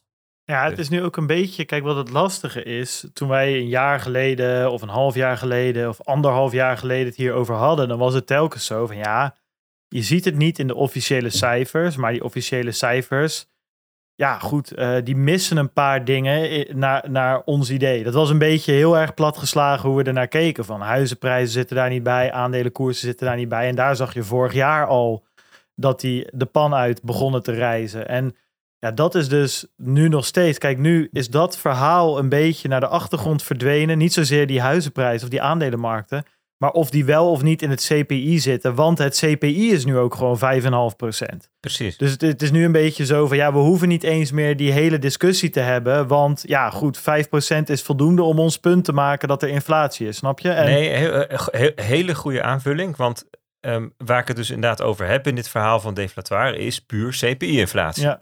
En dat is wel het belangrijkste getal wat we gebruiken om bijvoorbeeld de uitkeringen mee te indexeren of om ehm, eh, eh, te, te redeneren over de reële rente. Weet je, allemaal dat soort zaken. kijk, ik, ik vind daarnaast natuurlijk dat CPI helemaal niet een goede manier is om te redeneren over je, eh, de koopkracht van je vermogen. Want waar een mens vermogen voor opbouwt, dat is niet voor potten pindakaas. Ja, ik pleur hem er maar gewoon weer in. Hè, daar, Daar, moeten we eigenlijk een, een, een soundbite bij hebben. Bij Ja, de ook. Calvé, wie is er niet groot mee geworden? Zo. FBI, open up. Ja, komt die. Nou, Nee, ja, sorry, die heb ik alleen maar op mijn roadcaster staan. Maar weet je, dus, dus, dus ehm, hè, als je het hebt over de vraag hoe zorg ik ervoor dat ik. ehm, en, in het, en ik vind het altijd zo grappig als je daar- op Twitter iets over zegt, dan krijg je altijd meteen Sander Schimmelpennik erin. Zegt, oh, zijn allemaal mensen die willen rentenieren, renteniersmentaliteit. Het gaat mij niet om rentenieren. Het idee van rentenieren is dat je kunt leven ehm, van het rendement wat je vermogen opbouwt na compenseren van de inflatie.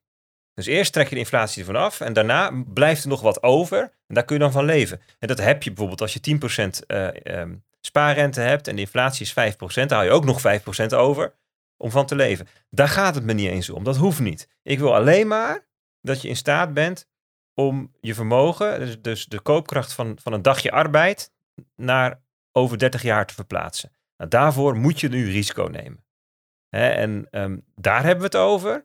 Als je het hebt over ehm, asset price inflation, dus de huizen en de aandelen en eh, nou ja, andere vermogenstitels die steeds meer waard worden. En dat is, dat is eigenlijk nog een heel ander probleem. Maar goed, dus goed dat je die even los van elkaar trekt, eh, Bart. Ja, nee, precies. Ehm, want, want dat is nog steeds, en daarvoor is mijn antwoord langdurig, omdat ik denk dat we dat niet zomaar oplossen. Dat, Nee. dat, dat, Dat is wel, dat is wel gekoppeld huizenprijzen- aan het geld printen namelijk. Ja, precies. Dus die huizenprijs, dus de, ja, de- de- inderdaad, de, de potten pindakaas versus levensdromen inflatie, dat is e- verhaal 1 en dat is denk ik dus wel langdurig.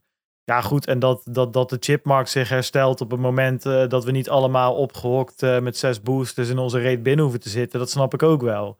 Ja, dat, is, dat, lijkt me vrij, eh, dat, dat lijkt me vrij duidelijk. Al, is het chiptekort ook wel complexer, maar ik denk gewoon dingen die nu heel lastig lopen, doordat er gewoon de supply chain her en der op zijn gat ligt. Ja, dat los je op als de supply chain niet meer op zijn gat ligt. Maar goed, dat is een beetje mijn boerenverstand. Daar begin begin te praten. Mute, Peet. En je valt nu weer helemaal weg. Klopt. wat, wat is dit nou weer? Nee, ja, dat, ehm, je bent er weer. Ben ik er weer? Ja, Ja, zeker. En je bent ook nog aan het uploaden, als het Ik- goed is. Ja, Nul ik vind het heel raar. Ik zag tussendoor wel, ehm, eh, zeg maar, feest dat er al iets geüpload was. Maar dit gaat helemaal goed komen, jongens. Echt, Ik heb waarom heb jij altijd dit soort... eh, volledig vertrouwen in. Jongens, ik, heb- mijn handjes zaten hier. Ik zat nergens aan. Maar ehm, ik vond het mooi om even alle perspectieven zo naast elkaar te zien. Ja, is aan ik, het eh, uploaden, dus ik, eh, nou, we gaan, ja, dan zal weer twee bestanden worden dan, denk ik. Ik eh, denk Bertus. het. En, en ik breek... ehm, ehm, ik brak natuurlijk Bert even in. want Die, die, ehm, eh, op het verhaal van Bert. En die ging net over naar Bitcoin. Bitcoin. Nou, kijk, ehm, ik bedoel, glazen bol hebben we hier natuurlijk niet. Maar als je kijkt naar de marktstructuur, dan is die nog steeds gewoon onwijs bullish. Het, het, is gewoon echt aan alles zie je nu bullmarkt territory. Dus het feit dat ehm, de koers nu op 53.000 dollar is gekomen, maar ook vrij snel weer herstelde. Ja, weet je, alle ehm, alles is eigenlijk intact om vanaf hier gewoon wel weer een enorme lag up te gaan maken. Dus dat is in principe denk ik van, van de meeste analisten en van mij persoonlijk ook wel het hoofdscenario. Ehm, en dat is interessant, want als we dat gaan doen, hè, dus voor 70.000, 80.000 dollar gaan zien, dan ga je op een gegeven moment ook weer de interesse krijgen van ehm, retail, van particulieren, particuliere beleggers, die gewoon weer als een stelletje een kudde dodo's de, de af, naar de afgrond rennen omdat er weer wat gebeurt, er beweegt wat of zo, weet je dat idee. En dan is mijn grote vraag, wat wordt dan, ehm, wat, wordt, wat wordt dan nu weer de volgende, het volgende narratief, volgende eh, randverschijnsel waar we mee te maken krijgen. Kijk, toen we vo- vorig jaar rond deze tijd, hè, ik bedoel, ik geloof dat het 14 december was of zo. Ik eh, scroll, scroll er heel even heen, dat is wel leuk. Een leuk moment. Nou ja, inderdaad. Dus vorig jaar op ehm, 16 december, toen gingen we ineens door die all-time high van 19.600 heen. Kijk, we vorig jaar hadden natuurlijk zo'n periode dat de cryptomarkt twee weken lang verlamd, als een verlamd, verscheurd in de berm lag te wachten van, hebben we nou wel of niet die all-time high al gehad? De ene helft had, zat al feest te vieren en de andere zei, nee, we zijn er nog niet. Want er gingen ook allemaal lijstjes rond hè, van eh, verschillende exchanges met verschillende all-time highs. En dan met vinkjes en kruisjes. En op 16 december werd aan alle onzekerheid in één keer een einde gemaakt. Want we gingen van eh, nou ja, 19.000 naar in één keer naar 21.400. En toen was het duidelijk, de dag daarna naar 23.000. Nog een weekje later 28.000. Nog weer twee weken later 43.000. Het was echt een maffe tijd. Dat hadden we vorig jaar. En toen konden we niet de- bedenken, half december, dat eh, het grote verhaal van een kwartaal later was dat Elon Musk Bitcoin ging kopen. En nog weer een maand later Dogecoin ging pumpen. Ik bedoel, dat had niemand echt, dat heeft echt helemaal niemand ingevuld in zijn eindejaars ehm, voorspellingen van het komende jaar. Nou, dat, ik heb dus even het documentje van aflevering 133 voor mijn neus. En daar staat in de centikilometer van Ome Peet. Elon Musk krijgt Bitcoin bulls achter zich aan door een meme te plaatsen op Twitter. Michael Saylor springt er bovenop. If you want to do shareholders a 100, bi- 100 billion dollar favor, convert the Tesla balance sheet from US dollars to Bitcoin. Waarop Elon reageert, are such large transactions even possible? Diverse media hebben hierop een nieuwsbericht gebaseerd. Dat Toch was grappig. in. Eh, 13 december. Ja, precies. Maar goed, dus ik ben heel benieuwd. Als we nu weer zo'n soort beweging omhoog zouden krijgen, wat zou dan, ja, wat zou er dan allemaal nog op ons te wachten staan? Ik ben daar benieuwd naar. Ja, We dat zullen is wel goed. Ik weet het niet direct. Ik heb niet direct een antwoord eh, klaar. Nou, we moeten daar zo langzamerhand over gaan nadenken. Hè? Want eind december is natuurlijk altijd een tijd van reflectie. En dan Ja, we hebben weer een eindejaarsuitzending. Ook We, we, we hebben wat eh, voorspellingen gedaan, dus daar moeten we weer, wat, eh, weer mee aan de slag. Hey, zullen we eens naar ehm, de nieuwtjes van deze week gaan? Goed plan. Is dat een idee? Ja. Ja, Eh, prima. ik Pak maar eentje. neer. Nou, als we het dan toch over eh, de, de Silicon Valley Boys hebben. eh, ik noemde Elon Musk. Jack Dorsey, jongens. Die is gestopt, of gaat stoppen, heeft aangekondigd dat hij gaat stoppen als CEO van Twitter. Waar heb ik hem nou neergezet? Ja, hier. Ehm, en eigenlijk de dag erna kondigt hij aan, want hij is natuurlijk ook CEO van Square, de, de, de Square groep. Dus daar valt Square Payment onder, Square eh, Crypto en eh Tidal, het is een van de music streaming app, en TBD, bla bla bla bla bla, valt er ook onder. Ehm, Ik vond het zo grappig, want in die persberichten staat dat ook altijd erbij. En, Ja. en dan zie ik alweer zo'n stagiair die elke keer dat nummertje na moet vragen. van, klopt dat echt? TBD en dan negen cijfers of zo. Ja, precies. Eh, dus die hebben, ehm, eh, maar, maar, maar heeft dus gezegd Square, dus het, zeg maar, het soort moederbedrijf, wordt blok. En daaronder valt dan de, de, voor mij de Cash app, eh, even uit mijn hoofd. En Square Crypto wordt Spiral BTC. Ehm, ja, dat, eh, ik denk dat hier onder, de, onder, de, onder het oppervlakte, want ja, gewoon wat je ziet is, oké, Dorsey stapt op bij Twitter en eh, doet allemaal nieuwe naampjes voor, voor Square. Maar er zit, lijkt toch wel wat meer onder te zitten. Bijvoorbeeld, om maar eens even de meest obvious one te noemen. Square Crypto wordt Spiral BTC. Dus hij laat zijn maximalistische licht er toch eventjes over schijnen, lijkt het wel. Ja, het, het lijkt er een beetje op dat, ehm, eh, eh, dat Jack zo gegrepen is door wat Bitcoin in potentie kan, kan zijn, zeg maar. Dus dat die, die ontwrichtende technologie waar we het vaak over hebben, dat hij daar een soort middenin zit. En denkt van, nou, daar wil ik eigenlijk vanaf nu gewoon volledig op gefocust kunnen zijn en naar werken. Want die hele Square groep, dus Blok, nu wordt een beetje opgeleid die kant op, hè? Ja. Ja, ja, en dus echt specifiek, het is geen crypto meer. Het is Spiral Bitcoin. Ja. En ook als je op hun website kijkt of op hun blog, eh, wat ik, er- dat heb ik er ook ergens bij gezet, wat ze zeggen dat ze doen. Ze zijn bezig met een Lightning Development Kit, een Bitcoin Development Kit. Ze hebben een grant program waar je dus als developer voor Bitcoin geld kan krijgen. En een Bitcoin Design Guide en de Bitcoin Design Community. Dus het is overduidelijk dat ze hier eh, niet bezig zijn eh, om, om de NFT-structuur van Solana beter te maken of zo. Ehm, Nee, nog niet. nog niet. Nou, dat is dus weer grappig. Je zag dus, ja goed, dat, ik denk dat mensen daar ook iets te veel achter zoeken. Maar bij Twitter bijvoorbeeld, eh, daar was men al wel weer bezig om eh, bijvoorbeeld dat je NFT's als profielfoto kon doen en dat die dan gecheckt worden op de chain of ze echt zijn, dat soort dingetjes. Ehm, Dus die zijn daar wel veel meer mee bezig om in dat, ja, dat bredere... Nou, ik ben er eh, wel heel erg benieuwd naar in hoeverre die...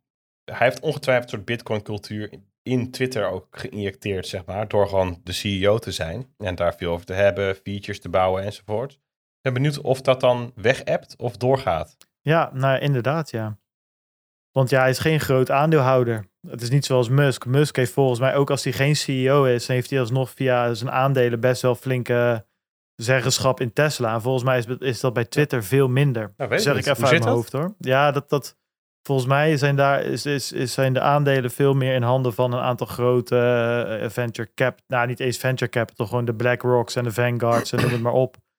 Ehm, via fondsen natuurlijk. Ja, ik geloof dat eh, de waarde van Twitter-aandeel die dag wel flink omhoog sprong. Ja, Weet wat dat precies te betekenen heeft. Nou, waar ik wel heel benieuwd naar ben. Kijk, eh, ja, Bitcoin en Twitter, dat, dat, dat zien we wel hoe dat, verder, ehm, hoe dat verder loopt. Ik vind het eigenlijk denk ik dat het een netto positief is dat hij nu eh, veel meer tijd, denk ik, heeft om, om, om met Square hiermee aan de slag te gaan.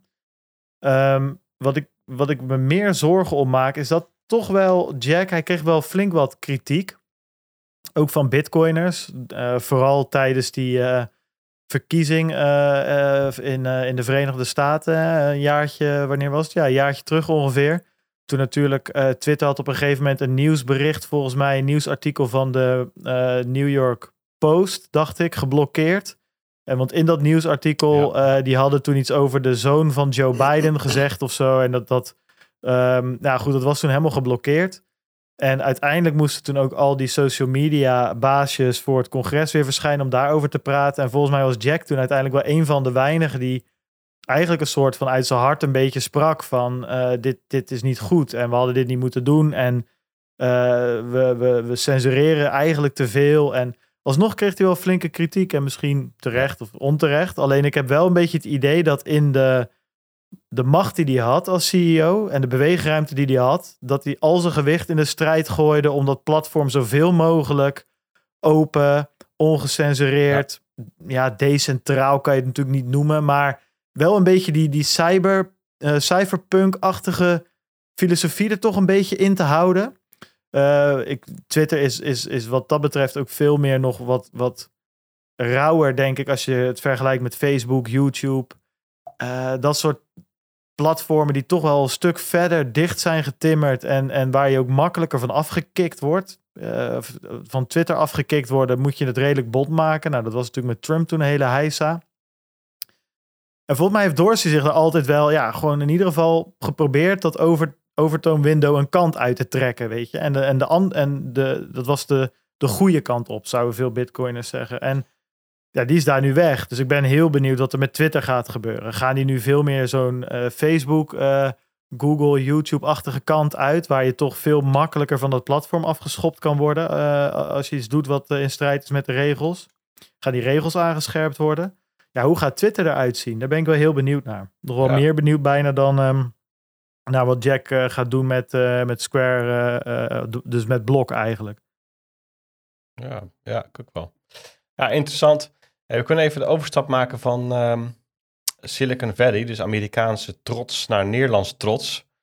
Ehm, ik las eh, een, eh, een berichtje op, volgens mij fd.nl, maar ook op eh, de blog Crypto, dus internationaal gegaan over Maven 11.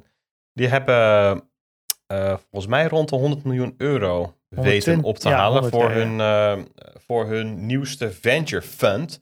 Venture Fund 2 heet want ze hadden al een Venture Fund. Die heet Venture Fund 1. Niet te, ja, dat, ja, best logisch. En eh, ja, ik vind het wel tof. Dus ik, ik las dat en toen eh, kreeg ik een, een, een plaatsvervangende trots voor de man die daar zitten. Eh, ehm, eh, Balder, Matthijs, Joost.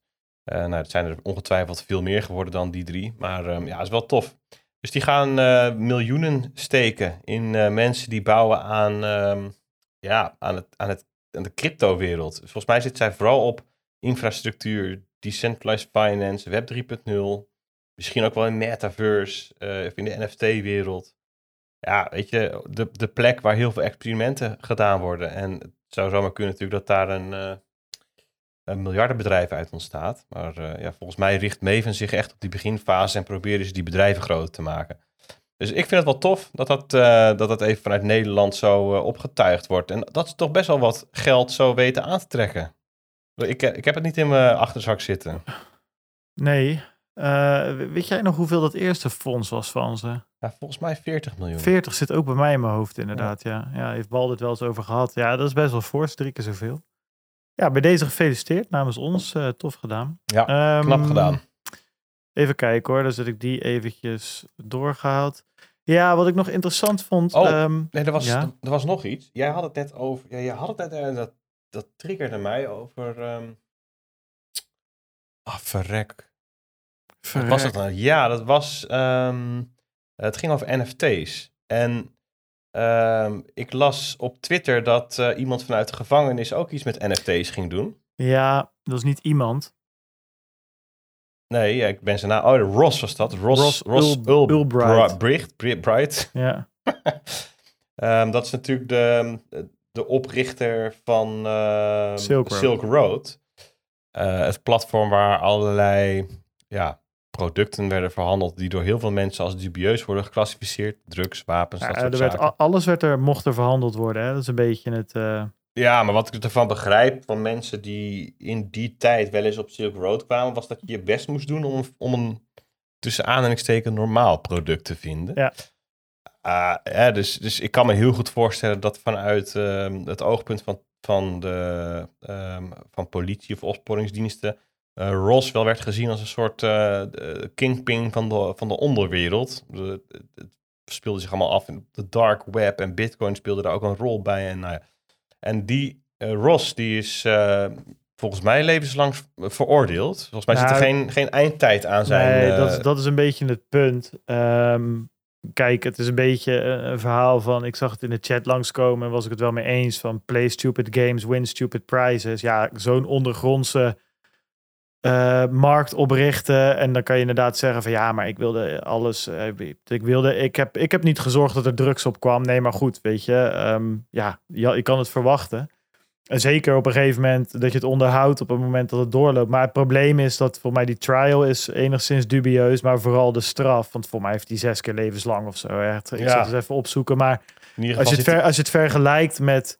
eh, Het, het ding is een beetje dat ze eh, hebben geprobeerd, of zo lijkt het in ieder geval, een, een, een voorbeeld te stellen.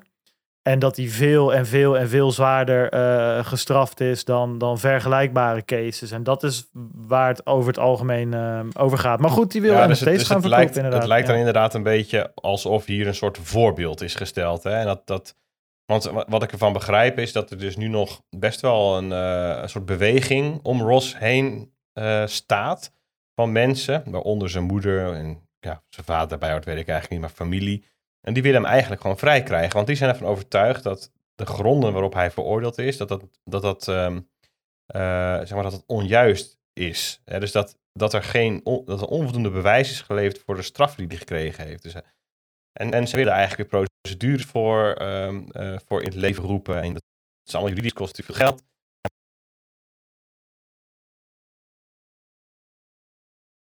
Oeh, daar ging die weer. Je staat op mute, eh, ouwe reus, maar je bent er wel weer. Je staat op mute. Je staat op mute, Peet.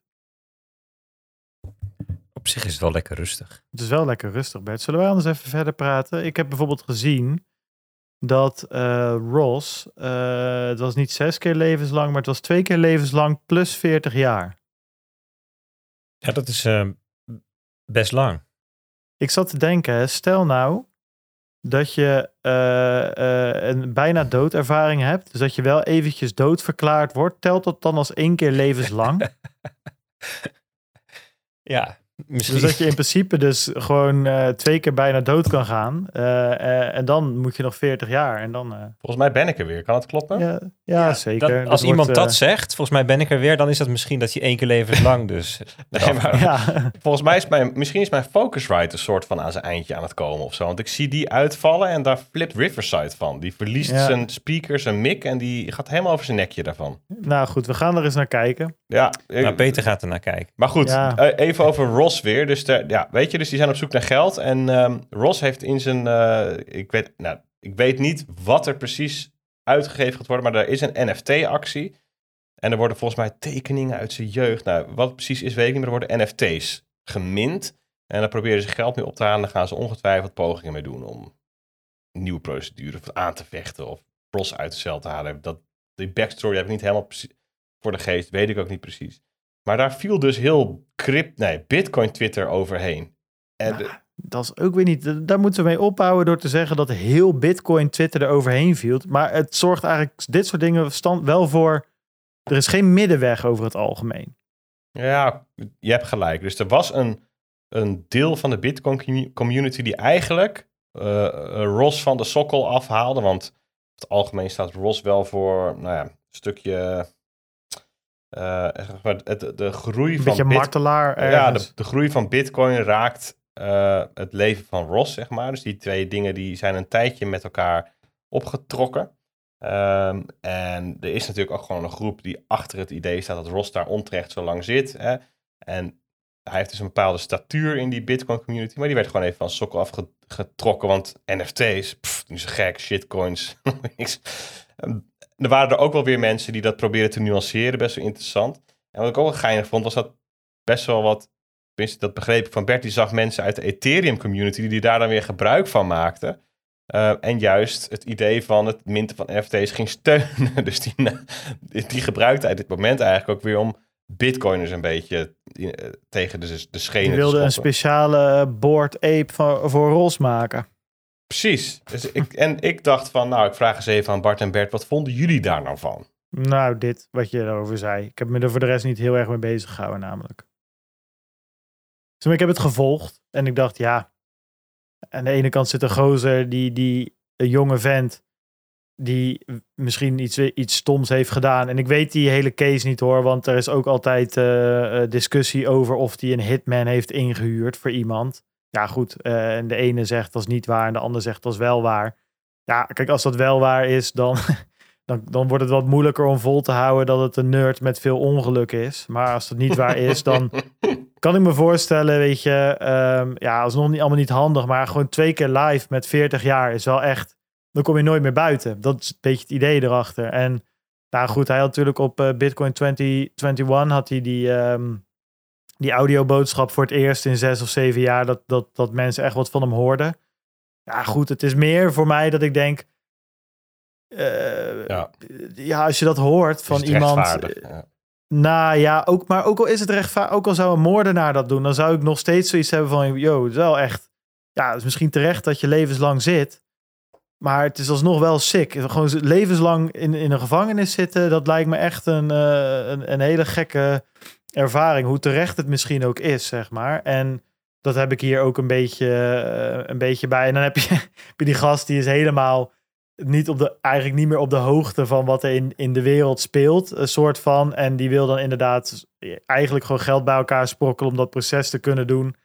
Ja, goed. En dan wordt hij, ja, dan wordt hij een soort van aan de ene kant half geslacht van, ja, die ben je wel een echte maximalist. Ik denk, ja, die gozer, die, dat is een soort van zijn laatste strohalm. En ja, dan, precies. dan moet hij van jou zeggen, nee, nee, nee, met dit geld kan ik vrijkomen, maar ik hoef het niet, want NFT's zijn shitcoins, weet je wel. ja, nou ja, goed. Ja, maar stel nou, hè, Bart, jij zit levenslang in de gevangenis. Wist je dat Nederland een van de, uh, de weinige landen is waar levenslang echt levenslang is? Maar, st maar stel jij zit... Um... Dat is niet helemaal waar overigens, maar... Ja, dat is, dat is echt waar. Je hebt, je hebt na, na, weet ik veel, 20, 25 jaar heb je om de zoveel tijd heb je de mogelijkheid om te vragen of die levenslang dan gecanceld kan worden, geloof ik. Maar in principe is levenslang levenslang. Maar stel nou, jij zit levenslang in de gevangenis. Eh, dan heb je dus tijd en kun je een nieuw vak leren. Je kunt de boeken in. Maar wat zou je dan oppakken? Wat zou jij dan willen leren? Um, programmeren, denk ik. Maar ik weet niet hoe. Het is een beetje internet is een beetje lastig uh, in gevangenissen over het algemeen. Ja, weet ik eigenlijk niet hoor. Of hoe dat zit in uh. En een uh, instrument. En ik denk dat ik echt gortig zou mediteren. Echt uren, zeg maar. Dat je echt. dat je gewoon van out of body experience. Nou hebt ja, kijk, gewoon richting in, het centrum van Amsterdam. Nee, maar, en daar alsnog kunt zijn. Serieus, het, het idee is natuurlijk dat ze je lichaam opsluiten. Maar je geest, ja, dat, daar, daar, daar mag, dat mag je mee doen wat je wil. Dus dat lijkt me wel. Uh, dat, ik zou het dan een beetje in die hoek uh, gaan zoeken. Dat vind ik wel ja. een leuke trouwens. Goed. Oké, ja, dat mooi. is toch, het is echt Ja, wat nee, het ja. is. eh, ja, je, je hebt eh, helemaal gelijk. Dat is, Dat is, dat is in ieder geval volgens mij, ehm hoe heet die, Jozef Frankel of zo heet die gozer. Die, eh nou, ik moet niet, ja, dat is geen gozer. Eh, dat is een heel bekend boek. Ehm Frankel, da, wacht, dat, Victor Frankel. En die heeft eh, de zin van het bestaan eh, geschreven. De, god, ja goed, ik weet even niet wat de Engelse eh, variant is. Man's Search for Meaning. En daar heeft hij het ook over. Dat op een gegeven moment stonden ze ergens, terwijl hun- voeten er vanaf vroren, ergens op een meer ijs te hakken. Terwijl de nazi's eh, lachend eh, met hun warme kleding ze uitstonden te, te schelden. Ja. En dat deed hem niks meer, want met zijn, hij was bij zijn vrouw, die inmiddels ook omgekomen was in de gaskamers. Maar dat in zijn hoofd, zover was hij dat, dat het hele aardse ding deed hem niet meer. Hij was gewoon tjoe, later, tjallas, naar een andere plek gegaan. Sick. Ehm, eh, dus dus dat, dat geven we aan. Dus ik denk in die hoek een beetje. Wat zou jij doen, Bert? Een soort van misschien eh, een of andere wiskundige Nou, weet je wat het kutte is van? Bert? Die heeft in een jaar dus al die vakken gehad. nou, kijk, ik denk dat je zonder internet gewoon niet zo heel ver komt. Ja, dan moet je in een, ja, misschien uit een biek biep boeken halen. Dan zou je, dat mag dan nog. Maar ik zat, een van de dingen die bij me opkwam, was bijvoorbeeld, ah, ik zou het wel leuk vinden om die en die taal te leren. Maar ja, weet je, dan wil je eigenlijk gewoon zo'n talenpodcast cursus ding hebben in je oordopjes. Maar daar heb je internet voor nodig. Ja. het be- Vind ik trouwens echt sick, jongen. Ik kijk wel eens van die filmpjes van polyglots. Ja. Dat is echt zo mind-blowing. Die kunnen dan gewoon twintig talen vloeiend. En dan komt soms Nederlands Ja, langs. dat- En dan hoor je, oké, het is niet perfect, maar het is Precies. best wel goed. Het is gewoon, ja, ik vind het wel echt knap hoor. Zeker. Nou ja, kijk, ik kan me zo voorstellen dat als je dan. dat- nee, ik stel, ik stel me dan altijd zo voor. Hè, dan, dan ga ik eindelijk weer eens lekker een keertje crossfitten. Omdat, ja, weet je, die, die tent is natuurlijk nu alleen maar tussen 9 en 5 open. is allemaal moeilijk, moeilijk. Nou, ga ik lekker crossfitten en denk. Als ik nou ooit in de gevangenis kom, dan ga ik gewoon elke dag ga ik echt heel veel trainen. Ook echt zo'n kast, weet je wel. Dan ook echt, echt een kast, jongen, zo breed. Echt, dat je die boeken er allemaal gewoon in kan zetten. Maar, maar dan zie je in die films toch altijd, zeg maar, dat je, dat je eh, Mexicanen en, en, en donkere gasten en dan een soort van de white supremacist of zo. Maar is, Ja. dat, is dat dan... Nou, Nou, ik, ik stel me dan zo voor dat als ik dan, als, stel dat ik dan er een keer dat er een keer zo'n gevecht is en zitten dan zes bewakers op je rug, dat je dan gewoon push-ups gaat doen met die gasten. Met één hand. Ja, Dat, lijkt, dat zie ik daarvoor. nou? hè? Je, je hebt in films altijd, als- als er dan zo'n brede eh, blanke gast nodig is, dan komt altijd diezelfde. De, de- hij, is, hij is kaal en mega. Jason Statham. Nee, nee, nee. Nee is dat ook wel- veel, zijn- veel groter. Speelt hij niet in de Fast and Furious series? Ah, er zijn wel heel veel, heel, veel, heel veel films. Ja, met, maar dat eh, zijn Vin gevangenen. Diesel en zo. Maar dat zijn Nee. toch allemaal Oh, eh, Vin ander. Diesel De, de en The Rock, is het heb The je? Rock? Ja, de, Ja, maar The is Rock is- huge. Ja, maar dat is, dat is toch geen, eh, geen, geen blanke gast? Is The Rock niet? Nee joh, dat is een of andere... Of dat is, die Nee, is maar het, het- mij, eh, kijk, uiteindelijk, uiteindelijk gaat het natuurlijk om dat je, Oh, ja, dat je wel nee, dat is waar. onwijs, on, onwijs sterk bent, maar ook snel. En ook heel lang vol kan houden. Dus uiteindelijk is het een optimalisatiespelletje. Oké, Een soort, soort, soort Ford Focus ST. Oké, Nee, want die is niet knap. Het moet ook knap zijn. de Audi RS6. Kijk, dat komt, dat komt neer in de buurt. Now you're talking. Nice. Hey, volgens mij zijn wij deze week alle drie een keertje in de media geweest over hetzelfde, één en hetzelfde onderzoek. Wie, wie kan Ja, er wat zei vertellen over Nibud?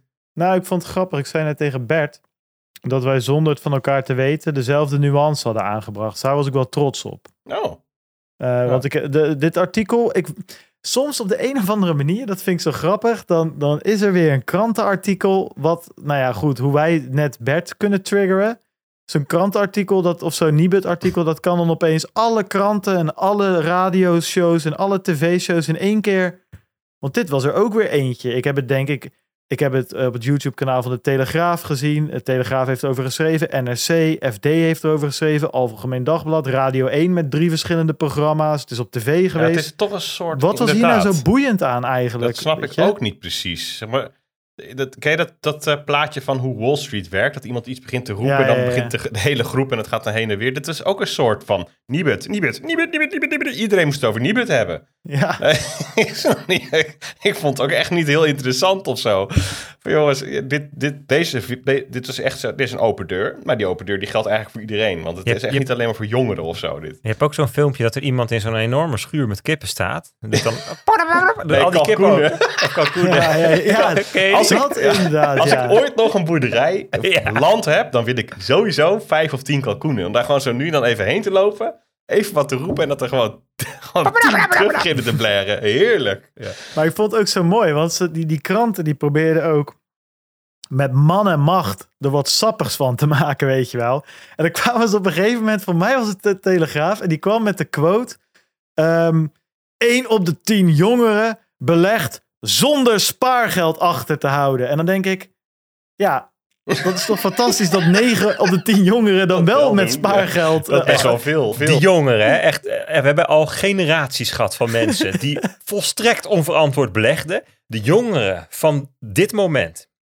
Het grootste gedeelte daarvan weet dus dat je alleen maar moet beleggen met geld wat je bereid bent te verliezen. Ze houden spaargeld achter. Ze vullen hun seed nergens in. Alles doen ze goed. En wat maakt de Telegraaf daarvan? Ja, we hebben Eén hier op de zes tien. jongeren gevonden. Ja, maar dat, wat ik dus ook vond, het Nibud zelf. ehm, op een gegeven moment er werd dus een, een nou goed, wa- weet je wat, je, zal ik anders eventjes, ik heb die eh, paar van die key cijfers eh, uit het rapport heb ik hier staan. Zal ik die even voorlezen? Anders dan weet iedereen die het gemist heeft waar het over gaat. Nou, Nibud heeft samen met de Rabobank onderzoek gedaan onder 1500 jongeren geloof ik, eh, tussen de 18 en de 30. En daar hebben ze allemaal beleggingsvragen over gesteld. En eh, voor het eerst hebben ze daar ook een beetje aan toegevoegd. Specifiek eh, beleg je dan ook in cryp- cryptocurrencies, ja of nee? Dus ze hebben aandelen, eh, obligaties, dat soort dingen hebben ze één bucket. En dan crypto's een andere bucket. En dan hebben ze ook nog een bucket waar je dus crypto's en ehm, eh, eh, eh, aandelen hebt. En helemaal niet beleggen, zeg maar. Ehm, zo, dit gaat echt fantastisch, Peet. Ik weet niet wat je in godsnaam allemaal aan het doen bent. Maar het is echt om je dood te schamen, deze, eh, Ja. deze, dit optreden van je. Ik, ik, ik kan er weinig aan doen. Ik, Ja, het is echt. Dit wordt. Dit, dit, ik, ik, ik wil een eh, vergoeding, eh, extra vergoeding voor het editen. Want dit wordt echt. eh, kan niet erger zijn dan, eh, dan, dan de andere podcast afleveringen. Zeker wel. want Ik heb 30 verschillende tracks van je nu inmiddels. Dus eh, Dat is, dat, is gewoon een, dat is gewoon een kwestie van knippen. Wat een vent. Maar anyways, dus eh, daar kwam dus uit 42% eh, procent van die jonge volwassenen tussen de 18 en de 30 jaar belegt. 9% belegt zonder spaargeld achter de hand te hebben. Dat is die 1 op de 10 dus. 85% doet het om vermogen op te bouwen. 56% zegt het te doen als hobby. Meer, het merendeel van deze jongensbeleggers is man ouder dan 25 jaar en heeft een inkomen hoger dan 3000 euro per maand. Waar beleggen ze dan in? 42% belegt dus eh, in aandelen en of crypto's. 27% heeft eh, crypto's van die 42%. 31% belegt in aandelen en 10% belegt alleen maar in crypto's. Nou, dat is een beetje waar het om gaat. Ongeveer de helft van de jongeren belegt dus. Ehm, ja, goed, en daar, en, en, en daar ging het dus over. Maar wat ik dus grappig vond, er was één zo'n ding waar het Nibud dus mee kwam. En daar zeiden ze van ja. ehm, ehm, ehm, wat zeiden ze daar nou ook alweer? Eh, dan moet ik het even, de, even erbij eh, pakken. Ik, raak, ik ben hem kwijt. Ik ben hem gewoon kwijt. Nou ja, Ze, dat- ze zeiden daar wat, Soms- ja, jongens. maar wat ze daar zeiden. soms gebeurt dat gewoon. Nou ja, ik vind hem wel terug, want ik vond het. eh, ja, ze hadden dus, zeg maar, ze vonden dus dat het. de jongeren zeiden eigenlijk allemaal dat je kennis moet hebben van beleggen. Maar de helft van de jongeren had kennis over beleggen. Dus de helft van de jongeren die wist wel dat het belangrijk was, maar die had zelf geen kennis van beleggen. Dus ben ik dat onderzoek gaan lezen. Want waar baseren ze nou op of iemand kennis heeft van beleggen, ja of nee? Ze hebben in de vragenlijst één vraag gesteld over eh, beleggen. En dat was dan of het goed of fout is om te diversificeren qua risico. En als je die fout beantwoordde, dan word je dus gekwa- gekwalificeerd als jij hebt geen kennis van beleggen. dus het is een beetje alsof je Ja. bij Binkbank een rekening open, een beleggingsrekening wil openen, dan krijg je toch zo'n enorme vragenlijst die je moet invullen. Alsof die vragenlijst in plaats van 50 vragen één vraag is. Ja, precies. en alsof je, als je fout hebt, krijg je geen Een beleggingsrekening. beetje een but-onderzoek. Niet but. Ja, en nou ja, inderdaad. Dus dat je, ja, goed, dat je vroeger op school dat je een toets kreeg en dat het één vraag was. En als je die fout hebt, dan krijg je je rijbewijs niet of zo. Precies. Of eh, slaag je niet. Ik een beetje een raar verhaal. Maar ik, ik moest hier dus over hebben bij het Jeugdjournaal. Hè? Heb je dat gezien? Gister, gisterochtend was ik op het Jeugdjournaal. Ja, ik hoorde het, ja. Dus, dus en ik, ik had niet echt de tijd om de. Om, om zoals ja, normaal, als je, eh, als je zo'n eh, programma opneemt met een omroep, dan krijg je van tevoren even een, een voorgesprekje, vragen uitwisselen en dan kan je er even over nadenken. Maar nu was het redelijk out of the blue, was gewoon druk die dag. Ik dacht, nou, dat is wel heel leuk. Maar het was de eerste vraag van, wat is een crypto? Ja, ik, ja, ik, ik zat echt wel van, ik zat een beetje te zweten van, hoe, hoe leg je dit nou uit voor kinderen? Stel ik, je, stel ik vraag jou nou op de man af, wat is een crypto? En de context is jeugdjournaal. Computergeld. Computergeld. Ja, die kan je helemaal kapot slaan natuurlijk. Digitaal maar dat is een geld. soort... Digitaal geld dat we 24-7 van de ene naar de andere kant van de wereld kunnen sturen. Zonder Goh, dat het jeugdjournaal, hè? Hoezo? Dat zijn de ki- Mijn kinderen kijken jeugdjournaal, die snappen dit. Serieus. Ja, goed. Die, Ja, die, die, jouw die- die- kinderen. Ik wou het zeggen, maar die, die, die zijn je al tien jaar gewend, zeg maar. Nee, maar dat is een beetje van eh, Einstein Hoezo? die zegt... Ja, mijn kinderen begrepen het wel, hoor. Ja. Nou ja, Einstein zelf toen hij echt. kind was waarschijnlijk. nee, nee, nee. Zelfs die zou zeggen van, nou... eh, Ja, ik heb daar een theorie over. Ja, goed. Wat valt er verder nog over het Nibud-rapport te zeggen? Weet je, eh, kids beleggen. Daar, kids, dus 18 tot 30, jong volwassenen beleggen. Ja, eh, good for them. Dat moet, precies, het sluit aan bij Bert's verhaal. Je moet wel. Ja, Wat wil je dan doen? Het op de bank Dat, zetten? va- ik dat bedoel, verhaal heb ik even gemist, maar als dat al verteld is, dan ben ik het helemaal mee eens. Wat moeten we verder over zeggen? Nou, niks. nee, niks verder dan dat. Ik vind het goed dat die, eh, die jongeren dat doen. Eh, Ik, ik ja. zat op Radio 1 hierover ehm, na Wim Boonstra. Ja, ik hoor het, ja. En die zei... Weet je, wie er, weet je wie er na jou kwam? Dat was een baas, jongen, die gozer. Adriaan was dat. Adriaan. Ja, ik, zou, ik zou je niet vertellen hoor. Dan moet je gewoon een in stenen stoppen. Dat heeft mijn pa altijd gezegd tegen min. Geld in stenen, dan verhuur het. En weet je Nee, je moet alleen maar investeren in iets waar je snapt. En de huurder is een slaaf van de verhuurder. En de pachter is een slaaf van de verpachter. Weet ik veel wat die allemaal... Dat was zo mooi, joh. Ik Was dat ja? Was dat ervan. uh, Maar die pandjesbaas van het Koningshuis of Ja, zo? die is er vaker volgens mij. eh, die belt Die vaker. bleef Een ook maar soort gaan. van fa- favoriete inbeller is dat. Of Ik zo. vond, het zo, ik vond het zo bazig. Op een gegeven moment aan het eind van zijn programma... dan starten ze toch de tune in. En als je daar dan normaal gesproken zit... dan word je al een beetje zenuwachtig van... shit, ik moet ophouden. Bij die Adriaan was dat gewoon precies omgedraaid. Die had gewoon zoiets... die hoorde die tune en die had zo... ik ga nog even een lang verhaal vertellen. Dat is zo iemand bleef gewoon doorpraten. Tijdens de Ja. reclame, volgende programma, hoor je hem nog steeds. Ja, dat was mooi. Ja, dat was genieten. Jezus, gaat Bert er nou ook al uit? Dit is ongekend, jongens. Holy moly, wat is dit voor aflevering?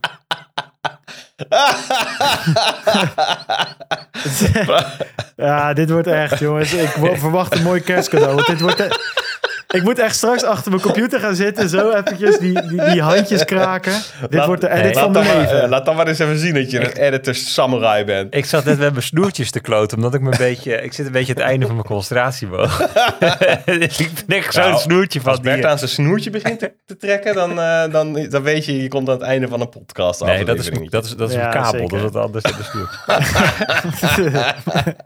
Als hij dit soort grappen begint te maken, dan... eh, Dat is trouwens wel vet, hè? Ik, ik had laatst, zag ik een artikeltje over zo'n, eh, over zo'n, eh, zo'n, zo'n elekt- elektriciteitskabel die van een, ehm, een windmolen die ze op zee bouwen terugloopt naar land. Dat zijn huge units. Ja. Ongekend.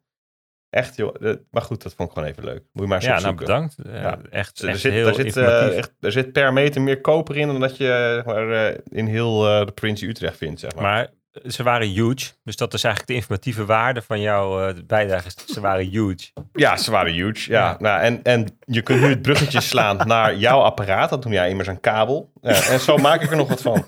Ja, bij allekabels.nl haal je. Dus een Oh, site. shit. hè. Dus, eh, Dit is niet normaal, joh. Dit is niet normaal. Dit is echt...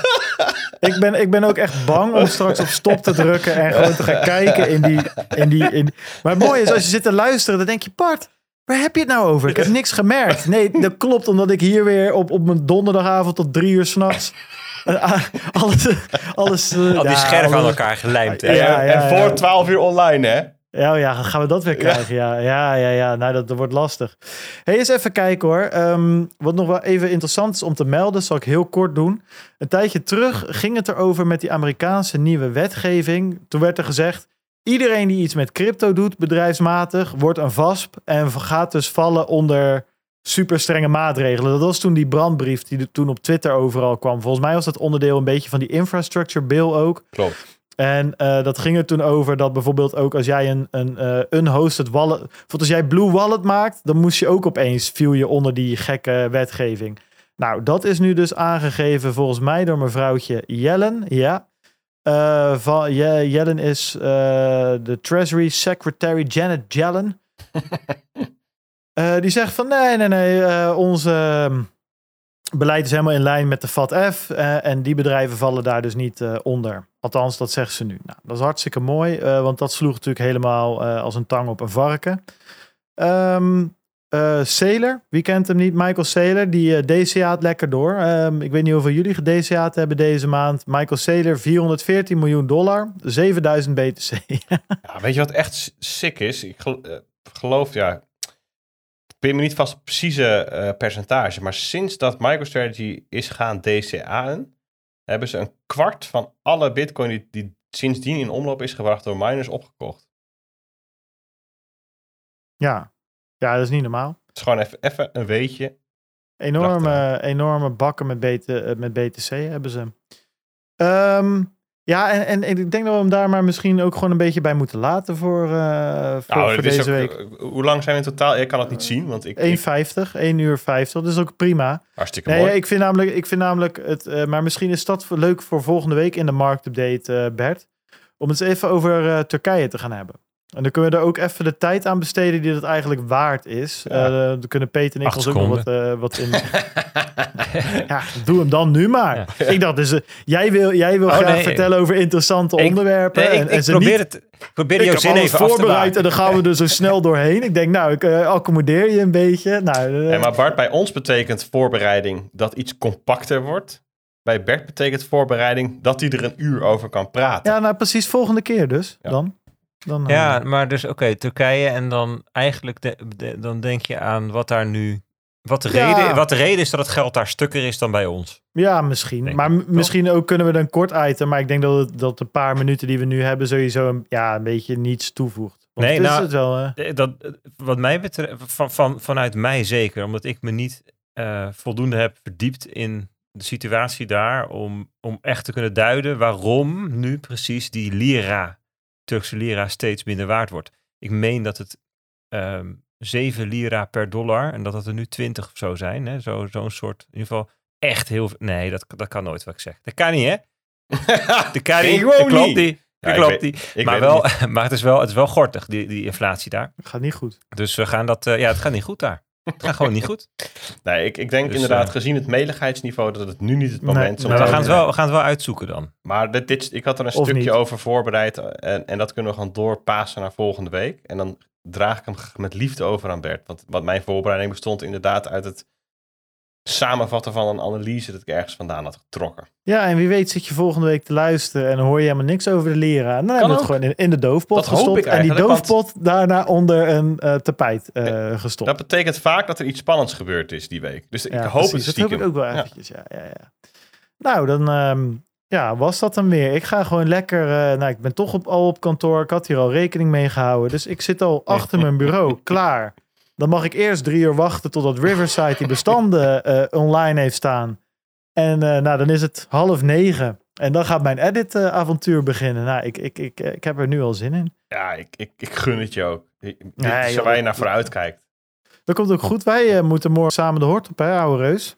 Oh ja, we Ja. gaan naar eh, Utrecht, hè? Utrecht. Ja, gaan we eens even kijken of we daar een mooi zaaltje kunnen, Dat kunnen vinden. echt- oh, we hebben zulke vette ideeën voor volgend jaar, jongens. Ja, wordt Oh, oh, oh, oh. We gaan vol, eh, morgen eens even eh, een paar luisteraars die, die, ehm, die werken bij Tivoli. En we gaan eens kijken. We gaan gewoon eens op gesprek en eens kijken of die zaal een beetje voldoet aan onze wensen. Hè? Want ja, Ja, dat, dan moeten zo is wel het eh, ook. toch zeker een paar duizend mensen comfortabel kunnen zitten. Ja, Hè? precies. precies. Ja, ik eh, vond het weer een leuke aflevering. Ik hoop jullie thuis ook. Ik hoop jullie thuis ook. Het Ja. mooie was dat, hè? Jullie thuis en de luisteraars thuis, thuis. Jullie thuis. Zo Dan zeg je dus twee keer hetzelfde, maar je bedoelt iets anders. Ja, en dat is mooi. Dat is spelen met taal. Dat is spelen met... Kan alleen als je zo'n talenknobbel hebt als jij. Precies, precies. Zo is het. Lekker. Ik heb last van mijn keel. Ik weet niet wat het is, maar Ik weet het wel. Het begint met een O en het eindigt op micron. ja. God, dat zou het zijn inderdaad, ja. Ze hebben me eindelijk te pakken, die, eh, die, die, die, die, die reptielen, Ja, reptielen uit, eh, uit de, die globalistische reptielen hebben me eindelijk onder de duim gekregen. Ja. Nou goed, dan maar even een extra boostertje erin en dan eh, kan ik er weer tegenaan. Zo gaan die dingen. ja, joh. Hey, eh, bedankt voor het luisteren. Vind je deze podcast leuk? Vind je hem wel leuk?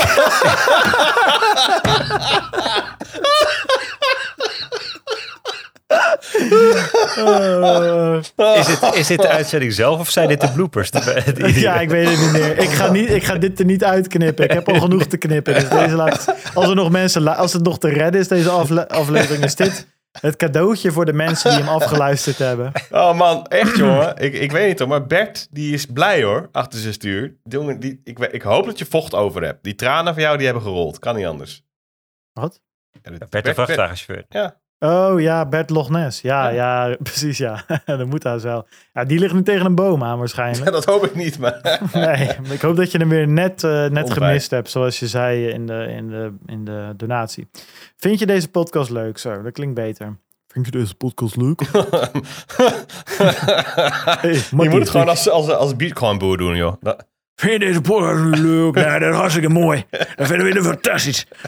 Onze Telegram groep, dus op je telefoon, die weet je wel, kan dan kan je gewoon op computer, telefoon. Volg ons op Twitter. Ja, dat moet je niet meer doen, want Jack die is weg. Maar goed, dat voor een goede gozer, maar goed, ja, die is weg. De links kan je vinden op www.satoshiradio.nl Ik weet ook niet, joh, maar nou niet. Best Peter, bedankt. Jullie bedankt voor het luisteren en tot volgende week. Later. Goeiedag, later.